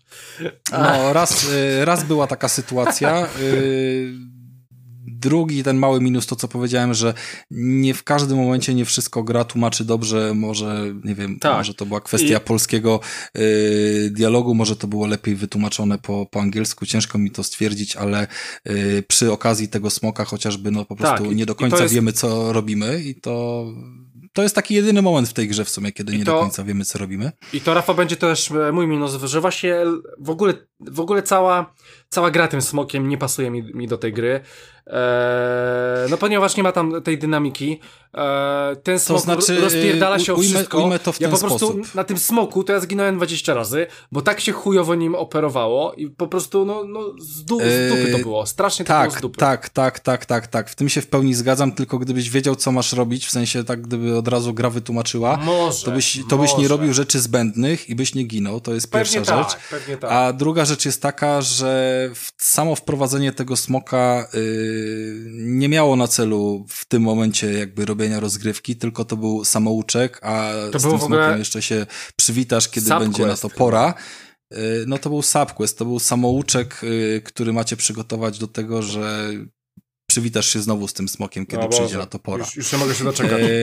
I wtedy jest o wiele lepiej i jakby to już faktycznie ma sens, więc y, mm, mógł on by nie pasować, ale w gruncie rzeczy patrząc przez pryzmat tego, co się dzieje pod koniec gry, to, to robi wrażenie i nawet tam się przydaje, więc y, żałowałbym, gdyby go nie było, bo, bo przyjemnie było wtedy skorzystać z jego pomocy. Więc y, trochę inaczej patrzę na, na ten jakby, Nie no jak? Ty, ten Rafał. subquest jakby... Z, No pewnie, że inaczej. No mów, no. Znaczy inaczej na samo umieszczenie tego smoka. Nie to, że nie było wytłumaczone, jak przejść przez tego questa. On na początku nie miał sensu, ale jakby samo umieszczenie tego, tego stworka i możliwości polatania nim na tej planszy ma jak najbardziej sens, y, tylko trzeba przejść grę najpierw do tego, y, żeby to docenić. I w zasadzie dlatego bym dziesiątki nie dał, bo, bo dla mnie ta gra pomimo jakby zrobienia jej na perfekt, yy, no, czuć po prostu w niej cały ten sos ze Spidermana, który jest, yy, wiecie, już, już doświadczenie mają i jakby wykonają, wykonują to na najwyższym poziomie swoim. Yy, na wielu elementach czuć tego Spidermana, zresztą jeżeli chodzi o jakieś czy misje poboczne, czy dialogi, czy budowanie tutaj jakiegoś klimatu, napięcia, prowadzenie historii i, i, i też sam po prostu rozpierdol na mapie. Ale to jest plus, no bo przecież Spider-Man nie jest złą grą, wręcz przeciwnie. Yy, Moja pierwsza ale ja bym po prostu platynka. nie dał. Ja bym, moja, moja Samograj, powiedzieć to, to w jest dużym samograj, uproszczeniu, że też. To jest gra dla dzieci, uspokójcie się. No mów. Nie jest samograjem i dobrze o tym wiesz, tylko że nie grałeś, jak zwykle. Chodzi o platynę, Yy, chodzi o platynę, no mów. Chodzi o platynę, tak. Yy, Dlaczego nie Tak. dam dziesiątki? Dlatego, że to nie jest nic odkrywczego. Tylko dlatego. Cała reszta moim zdaniem jest na 10, ale no nie ma tutaj nowego pomysłu. Ja jestem zwolennikiem tego, żeby doceniać takie ruchy jak, y, wiesz, wydane Dead Stranding albo puszczenie czegoś yy, właśnie na bakier yy, innym ludziom, że jakiś trochę odkrywamy nowy gatunek albo coś w tym stylu. Yy, to jest ważne, to jest fajne, żebyśmy nie mieli po prostu kolejnego, wiesz, Far Cry'a przez y, 6 czy 16 części albo y, niezliczonych ilości Call of Duty, gdzie wszystko jest to samo, tylko na innych skinach. I to dla mnie zawsze będzie wymagającą rzeczą, żeby dać jakiejś grze 10 na 10, tak jak wiesz, potrafił to być jakiś y, Metal Gear, który faktycznie wyrywał cię z kapci tym, co, co gdzieś tam ktoś sobie y, wykminił czy zaplanował, albo nie wiem, Cyberpunk, który po prostu konstrukcją tego miasta i świata też wyrywał z butów i tym, jak prowadził historię. A tutaj po prostu mamy to w najlepszym możliwym wydaniu, ale dalej coś, co znamy. Dlatego jest dziewiątka i jak najbardziej polecajka. E, Słuchajcie, ja jeszcze moje minusy. O smoku już mówiłem. E, No 20 razy ginąc bez sensu i tracić czas, no sorry, ale nie. E, Słuchajcie, ale gra, powiem wam, że tak, gra ma delikatne dropy czasami i są one zauważalne. Ja w ogóle miałem wrażenie, że ja nie mam sze- sze- 60 klatek cały czas. Bardzo często siedzę tak A przy w jakim 40. trybie grałeś? Po prostu odpaliłem grę i grałem, Rafał. No to grałeś w 30 klatkach całą grę. No to w takim razie, jeżeli grałem w 30 klatkach, to bardzo często, może nie bardzo często, ale czasami zauważyłem, że są dropy tych 30 klatek w dół. E, I ja zauważyłem, Rafale, te dropy. E, Ty grałeś w 60? Nie, ja też grałem w 30, żeby leciało na full tam Okej. rozdzielczości, I efektach ray i tracing wszystkim. chyba tam wtedy jest włączony, tak? Tak. Ale warto Chyba wspomnieć, warto być. wspomnieć, Nie, no były, że tam są, były, był. Warto wspomnieć, że tam są trzy tryby, podobnie jak do Spidermana, zresztą po prostu to już do tego silnika mają dopasowane Może- może i, sprawdzę i sobie jest, y, są dwa tryby 60-klatkowe, jeden, który daje niższą rozdzielczość, ale również uruchamia ray tracing, a drugi, który nie uruchamia ray tracingu, ale daje stosunkowo wysoką rozdzielczość, taką też y, zbliżającą się do tych 4K bardziej niż do Full HD. E, Więc e, słuchajcie, jeżeli chodzi o to, to po prostu czasami, rzadko, rzadko, ale miałem parę momentów, w których przy kompletnie dużym rozpierdolu delikatnie mi dropiła ta gra. E, Ale to akurat nie, nie dałbym jakiś taki duży minus, po prostu coś takiego jest. E, Chociaż gra działa fenomenalnie e, i wygląda fenomenalnie. Słuchajcie, e, Rafale, jeszcze jedna rzecz. Chodzi mi o tą postać Rivet. E, Słuchajcie, bo o, o, poza Ratchetem gracie też Rivet. E, Pewnie na okładce widzicie, że jest jeszcze kobieta. Mhm. E, najbardziej mnie boli to, że grasz tą kobietą, grasz tą postacią, grasz tą Rivet i ona ma to samo, co odblokowałeś Ratchetem. I dla mnie to jest bez sensu, bo jeżeli mam drugi charakter w grach na ogół, e, które po prostu mają jakieś bronie, mają coś, to mają na ogół coś innego. A to jest to samo. Jeżeli odblokujecie Ratchetem jakąś broń, to ona w innym świecie, gdzieś indziej, będzie miała to samo. I mi to do końca nie grało. Chciałbym, żeby te postacie jednak się czymś wyróżniały, były zupełnie inne, poza płcią i kolorem futerka. Coś jak na zasadzie, E. jak w The Last of Us, jak się zaczynało grać na przykład e, Abby, nie? O, widzisz, tak, Tak? dokładnie. Te, te dwie osoby były zupełnie inne. Mhm. E, a tutaj po Tak, prostu... to, jest, to, jest, to jest fakt, co powiedziałeś, i tylko że No, Masz rację, to są- czegoś znaczy, zróżnicowania, to są no inne skórki. postacią, więc, więc nie wiem, niech ona inaczej skacze, wolniej, mniej skacze, nie wiem, ma inne bronie, przede wszystkim inne bronie niech ma, nie? To, to, to dla mnie by miało więcej sensu. No, ma tyle, co ma młotek zamiast klucza, więc to jest tam niewielka różnica i to jest cała różnica, którą, którą możemy y, wciągnąć. To cała reszta faktycznie jest taka sama.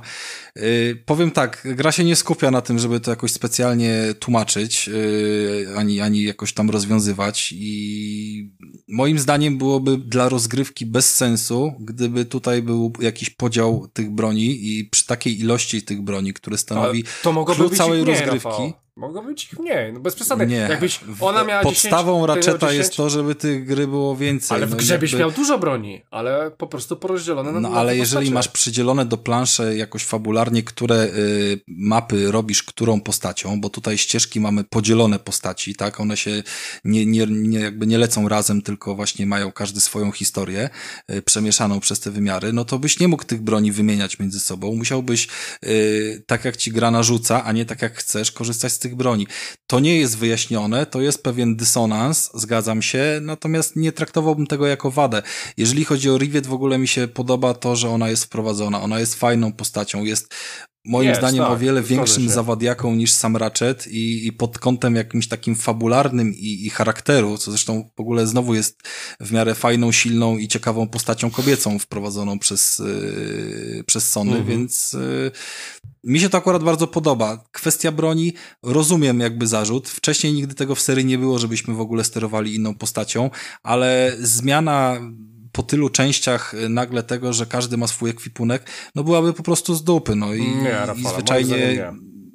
E, Sa, No. sam wi- widzisz, o właśnie, e, Michał ten, Michał, e, Mikołaj dał The Last of Us. Pojawia się nowa postać, nigdy wcześniej się nie pojawiła, nigdy tak gra Tak, w ogóle nie to jest- wyglądała. Nigdy Ale masz, masz tak- rację, masz Co? rację, ale to Jest jest, zły przykład, bo tu masz grę, Okej. której wyszło już sześć części, E, ma zacne grono fanów, zawsze był pełen ekwipunek, w dowolnym momencie możesz To- każdą bronią rozpierdolić. Co więcej, nie wiem czy zauważyłeś, ale nawet swoich bossów, największych, nawet finalnego bossa na sam koniec, no, to możesz wiem, no. nakurwiać wszystkimi broniami. Możesz go zamieniać w roślinę, możesz go zamieniać w, nie wiem, kostkę Dobra, lodu, to czy jeszcze- w tym stylu. I nie można tego odebrać graczowi, który tak naprawdę z tego czerpie cały fan, no po prostu. No dobra. E, Pomimo tego, że to jest nielogiczne. E, Rafał, no, no mi, mi, mi to nie pasuje, tak? Ja bym chciał dwie różne postacie z różnym arsenałem. E, arsenałem. Czy myślę, E, że to też w ogóle rzecz, wynika, wynika trochę z tego, że tak jak y, przed chwilą Rafał powiedział, że już sześć części wyszło tej gry. I myślę, że to po prostu wynikło poniekąd też z tego, że pomału sko- ko- skończyły im się trochę pomysły na, na nowe uzbrojenie. I, I oni w ten sposób trochę sobie po prostu ułatwili pracę nad tą grą, bo dołożenie jakby osobnych etapów z osobnymi broniami jakby wymuszałoby też zmianę mechaniki tej gry prawdopodobnie trochę, bo yy, możliwe, że gdyby Rivet miała zupełnie inny arsenał niż Ratchet, to te poziomy Rivet musiałyby być zupełnie inaczej skonstruowane niż jakby yy, poziomy, w którym Wiecie, w słuchajcie, się to jest Ratchetem, więcej, nie? więcej zagadek, tak? Mamy na przykład y, etapy, gdzie jest jedno miejsce, gdzie mamy wyzwania, tak? Nie wiem, czy tam Krystian już dotarł, czy nie, ale po Tam, prostu... te fale? Chodzi o te fale? A Nie, nie. nie, chodzi o te fale, tylko chodzi o typowe wyzwania, gdzie możemy sobie odpalać na arenie, tak jakby Tak, jakiś tam to- Nabijać. w trzech poziomach, brązowy, miałem, srebrny. tak. Brązowy tam zrobiłem już całe. Łącznie 15, no bo one się odblokowują Tak. wraz z postępem gry, ale masz łącznie 15 różnych wyzwań, gdzie możesz sobie y, No napierdalać, chcesz odblokować pewne rzeczy i powtarzać na przykład po to, żeby nabić te śrubki, żeby kupić te bronie. Więc yy, nawet gdyby tam był wybór postaci, którą gramy yy, w tych, bo zawsze gramy tą samą, ale jakby gdyby był wybór postaci, yy, którą gramy na tej arenie, co by nie było żadnym problemem, to musielibyśmy zbierać dwa razy więcej śrubek i by się uruchomiła sztuczna, byłby wtedy zarzut, że yy, trzeba na arenie nakurwiać dwa razy więcej razy, żeby nazbierać śrubek na wszystkie bronie, czy coś w tym stylu. No jakby można byłoby to jakoś wytłumaczyć fabularnie, że tam, nie wiem, kurwa, roboty się synchronizują, czy coś w tym stylu. Przecież oni nawet plecaka nie mają, te broń się chowa, widać takie wielkie sceny, że trzyma broń w ręku, która jest większa od niego samego i yy, wykonuje ręką gest chowania Ale- do kieszeni, broni nie ma. No, Okej. luz, no to jakby, to jest konwencja gry, nie? więc tego mi się nie czepiał, bo to nie jest fabularna przygoda, która ma mieć w taki sposób sens fabularny, że każdą, wiesz, mm, czynność musimy sobie uzasadnić, nie? W kontekście posiadania tych broni, Tak, ale jakby jednak- rozumiem, no nie grałeś w poprzednie, więc to, to, to na tobie zrobiło jakieś Tu tam masz rację, Rafał. Znaczy, bo- dziwne Akurat. poczucie. No bo y, na przykład The Last of Us było mocno osadzone jakby w rzeczywistości. Tam nawet to, że No jak masz dwie bronie, ona obie z tych broni no, niosła na ramieniu, tak? Było widać te bronie. Więc jakby tam było większe pole do popisu, jeśli chodzi właśnie o, o inne umiejętności postaci, czy też ekwipunek. Więc tu się akurat z tobą zgodzę. No tak, tylko No te- nieważne, też, tego też, nie ma co rozkminiać. Też, y, też to jest... poczekaj, Rafale, tylko też bardziej chodzi o, wiesz, no, gram, mam Rivet, odblokowałem sobie jedną broń, kupiłem ją w sklepie, później gram Ratchetem i Ratchet też już ma w automacie tą broń, bo ona go kupiła, co w ogóle jest bez sensu. E, ale dobra, e, to nieważne. Rafale, powiedz mi jeszcze jedną rzecz, bo bardzo mnie to wkurwia e, i nie wiem, jak, jak to do końca jest, może ja czegoś nie widziałem. E, wybór broni. Masz cztery bronie i jak chcesz mieć więcej broni, to nie wejdziesz do menu i nie ustawisz sobie jakiejś broni na strzałce. Tylko musisz gdzieś wejść do jakiegoś sklepu i to zrobić? Nie, nie, nie, nie. Trójkąt, kolego. Taki przycisk na padzie. O. E, No przytrzymujesz to jest- trójkąt, I słuchajcie, przytrzymujesz poczekaj, trójkąt, poczekaj. czasy, ale, No ale No to mów, poczekaj, mów. wytłumaczę już. Mów, mów. Przytrzymujesz trójkąt, czas się zatrzymuje i wybierasz sobie dowolną broń z ośmiu, które są na okręgu. E, co więcej, jak broni jest więcej niż osiem, to L1, R1 przechodzisz na drugie kółko, a nawet na trzecie. E, I bo to- broni jest e, ponad 20 i wybierasz sobie tą broń w czasie walki, gdy czas jest zatrzymany i ona się teraz wybiera. To jest jedna rzecz. Druga rzecz, podczas wybierania tych broni, gdy sobie ją podświetlisz, i masz ją podświetloną, ale jeszcze nie puszczasz trójkąta, to możesz sobie kliknąć strzałkę w górę, w dół, lewo, prawo, żeby ją przypisać do szybkiego wyboru. Od cała filozofia. Cztery właśnie. bronie w szybkim wyborze i pod dwa kółka, czy tam trzy kółka do wyboru pod trójkątem. I to możesz robić też gdzie chcesz, Rafale. Kiedy chcesz. W dowolnym momencie, kiedy chcesz, nawet spadając. Dobra, yy, okej. wiesz, Więc e, słuch- słuchajcie, no to też pokazuje e, tą grę, e, że ja jestem w połowie tej gry i nie, widziałem, nie wiedziałem o takiej funkcji. I dlatego ta gra... No nie, samouczek niestety- był bardzo ubogi. No, słuchaj, ja samouczek prosty, przeszedłem więc... i nie miałem tyle broni, Rafale, i wiemy, że po prostu dostawałem tą broń od razu do ręki, a moje cztery, cztery bronie, które miałem po, po lewej stronie, po prostu to po lewej, to co masz po lewej w grach na ogół działa tak, że klikam w lewo, mam broń, klikam drugi raz w lewo, mam kolejną broń, trzeci raz w lewo, mam kolejną broń. Tutaj jest, jest zrobione to inaczej, moim zdaniem gorzej, e, bo powinno być to tak szybko zrobione, jak we większości Zaczniesz grać z trójkątem. Yy, z Okej, pełnym no teraz zacznę grać, ale mam połowę gry I wyłączy. nie wiedziałem o trójkącie dzięki tobie w sumie. Znaczy, dzięki tobie się dowiedziałem, nie? No Wiesz co, nieważne. no bo tak, to, to, to E. jest jedna z tych rzeczy, że tak było zawsze, no jakby... I, No może, no, może, może tak. No po prostu nie jest to, nowa mechanika, więc tej nowej mechaniki nie tłumaczą, bo, bo, bo jednak y, nie wszystko zostało zresetowane. Gdzieś tam widać w menu opcję, że y, kliknij krzyżyk, żeby przypisać broń, otwierać się to kółko. Do, do kółka Możesz przypisywałem, przypisać. ale nie mogłem odpalić tego kółka. I zastanawiałem się, co jest kurwa, mam strzałki, ale, Ale nie mam kółek. wytłumacz mi, jak ty mogłeś y, przejść pół gry, grać w nią, nie wiem, 7 godzin i nigdy nie zapytać się siebie samego, a ciekawe, co się robi trójkątem. Ale nie, nie, nie, nie, trójkątem robi się zupełnie No bo to- to jest pamiętam, tego typu się... problem, Krystian. Nie, nie, nie pamiętam, co się robi trójkątem, ale na pewno nie robi się to, o czym mówisz. Chyba, że trzeba go długo przytrzymywać. I No może coś- przytrzymujesz, żeby otworzyć Sprawdzę. menu, nie klikasz Sprawdzę, go, żeby... Rafale. Sprawdzę, wiesz mi, sprawdzę, dzisiaj sprawdzę, dam ci znać, sprawdzę, bo sam jestem ciekaw. Co się stanie, Trójkąt, trójkąt, jest tam, trójkąt jest tam, gdzie Y w Xboxie. W, w ogóle, w ogóle, wiem, spokojnie. E, W ogóle wkurwia mnie X cały czas, bo jak mam napisane X, to naciskam z lewej strony, Kwadrat. tam gdzie jest Tak. bodajże. Jezus, tak. Cały czas mnie to spróbuj, spróbuj, spróbuj w jednym tygodniu pograć sobie na Xboxie, Playce i Switchu. To już w ogóle... Mindfuck. Będę Polecam. wychodził B, wychodzisz B, nie wchodzisz B w ogóle, to jest, e, no to wiem, wiem co. No nieważne, E, słuchajcie, no nieważne, pierwszy odcinek no- chyba kończymy tak długi. Nie ma co już dłużej Gra się rozwodzić nad tym raczetem, bo, bo, bo jest zajebista po prostu. No każdy, kto ma Jest, playkę, jest. to myślę, że y, albo się czai, albo już y, ją szykuje. Y, Jeden z naszych patronów nie musi się czaić, bo, bo ją dostanie. To tak na koniec przypominam, że mamy właśnie takie możliwości z naszym wsparciem i Chyba, że już ją też, kupił, to będzie miał dwie, dwie kopie. E, no słuchaj, e, jakby nie patrzeć, jesteśmy w jakimś tam kontakcie z naszymi, z naszymi patronami i staramy się ich informować, co jest grane. E, zresztą robimy w przyszłym tygodniu, na początku lipca robimy wysyłkę wszystkich tych dotychczas ogranych tytułów, więc to będzie też, też miłe rozpoczęcie. No i zapraszamy resztę do współpracy oczywiście, jeżeli ktoś jest zainteresowany. Tym samym zaczynamy szlochanie na pożegnanie Michała. mamy, mamy też nadzieję, że Zrób nasz wybór postawiony dla was zrobię. Z basenem, y, z rowerem się tam do tego basenu. Y, a propos, ja dzisiaj basen wystawiłem y, na taras, więc zaproszenie na, na jest dalej aktualne, żeby zrobić nasz zjazd europejski. E, mam nadzieję też, że podobała Wam się wizyta Mikołaja i że w kolejnych odcinkach e, będziemy się równie dobrze e, dogadywać i, i Wam się będzie tego też przyjemnie słuchało. Nie przeciągam tam całej sielanki odnośnie tego, gdzie nas możecie słuchać, bo wiecie, gdzie nas możecie słuchać. Pracujemy już nad tym, żeby archiwalne odcinki poleciały na serwery i na, na Spotify'a, tak jak było to obiecane.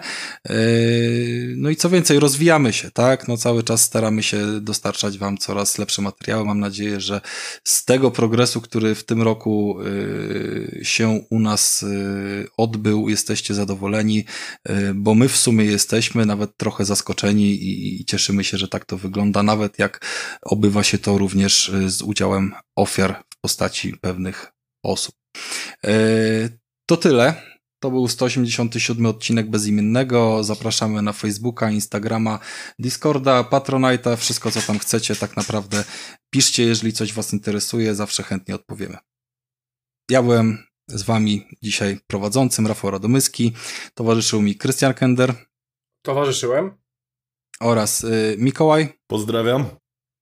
I Michał. No i na koniec jeszcze chwilę no zajmę. Właśnie, Michał, powiedz coś, no nie wiem, powiedz coś. No kurwa, powiedz. Fajny, fajny czas to był. E, dziękuję wam za, za przyjęcie mnie do tego podcastu, bo bardzo wiele się przez was nauczyłem, co też e, zaowocowało powstaniem mojego własnego podcastu. Wie, o, no tak, reklama. Em, aż, aż właśnie ci miałem powiedzieć, że 10% biorę. Ej, Michał, właśnie. Pierwszy, pierwszy raz reklamuję się, bo zawsze gdzieś tam, e, czy to ty szepnąłeś, Krystian, czy Rafał, ale sam nigdy nie, nie zrobiłem sobie reklamy mojego podcastu, więc jeśli ktoś zatęskni za moim głosem, to Ciężkie Majki Podcast, muzyka metalowa, e, wywiady, recenzje płyt, newsy, więc, więc zapraszam o, do posłuchania. na pewno. No to o, widzisz, Słuchaj. no to już jeden, jeden follow, reklama działa. Wyrzucić cię za, za to nie wyrzucimy, bo i tak już jesteś. Wiesz. No jestem już i tak out, więc e, wypikacie to najwyżej na ścieżce re reklamę za to. W porządku. To tak, dzięki bardzo za ten cały okres, było naprawdę fajnie e, i życzę wam, żebyście po prostu byli dalej e, na takim poziomie, żebyście się rozwijali, tak jak, tak jak już wspomnieliście o, o tym progresie, żeby to jakoś fajnie, fajnie do przodu dalej szło. Będę was na pewno słuchał i, i może się jeszcze usłyszymy na antenie. Bardzo chętnie wpadnę kiedyś, jak mnie zaprosicie, więc mam nadzieję do usłyszenia. Tak jest. No to w takim razie żegnamy się wszyscy jeszcze raz. Dzięki Michał również za to i Cześć. na pewno cię kiedyś ściągniemy na jakieś e, barachła, które tam ograsz e, z nudów, bo, bo, bo jednak wiemy, że to nie będzie całkowity reset. No gier nie zostawiam całkowicie, tylko po prostu będę je e, na dalszy plan Czyli co? Spychał. Idziemy szlochać w poduszki teraz? Idziemy szlochać w poduszki. Pierwszy prawie trzygodzinny odcinek. Wow. Dziękujemy, że wytrzymaliście do samego końca. Specjalnie mięsko na sam koniec zostało. No i cóż, no słyszymy się jak zawsze za dwa tygodnie. Na razie. Cześć. Cześć.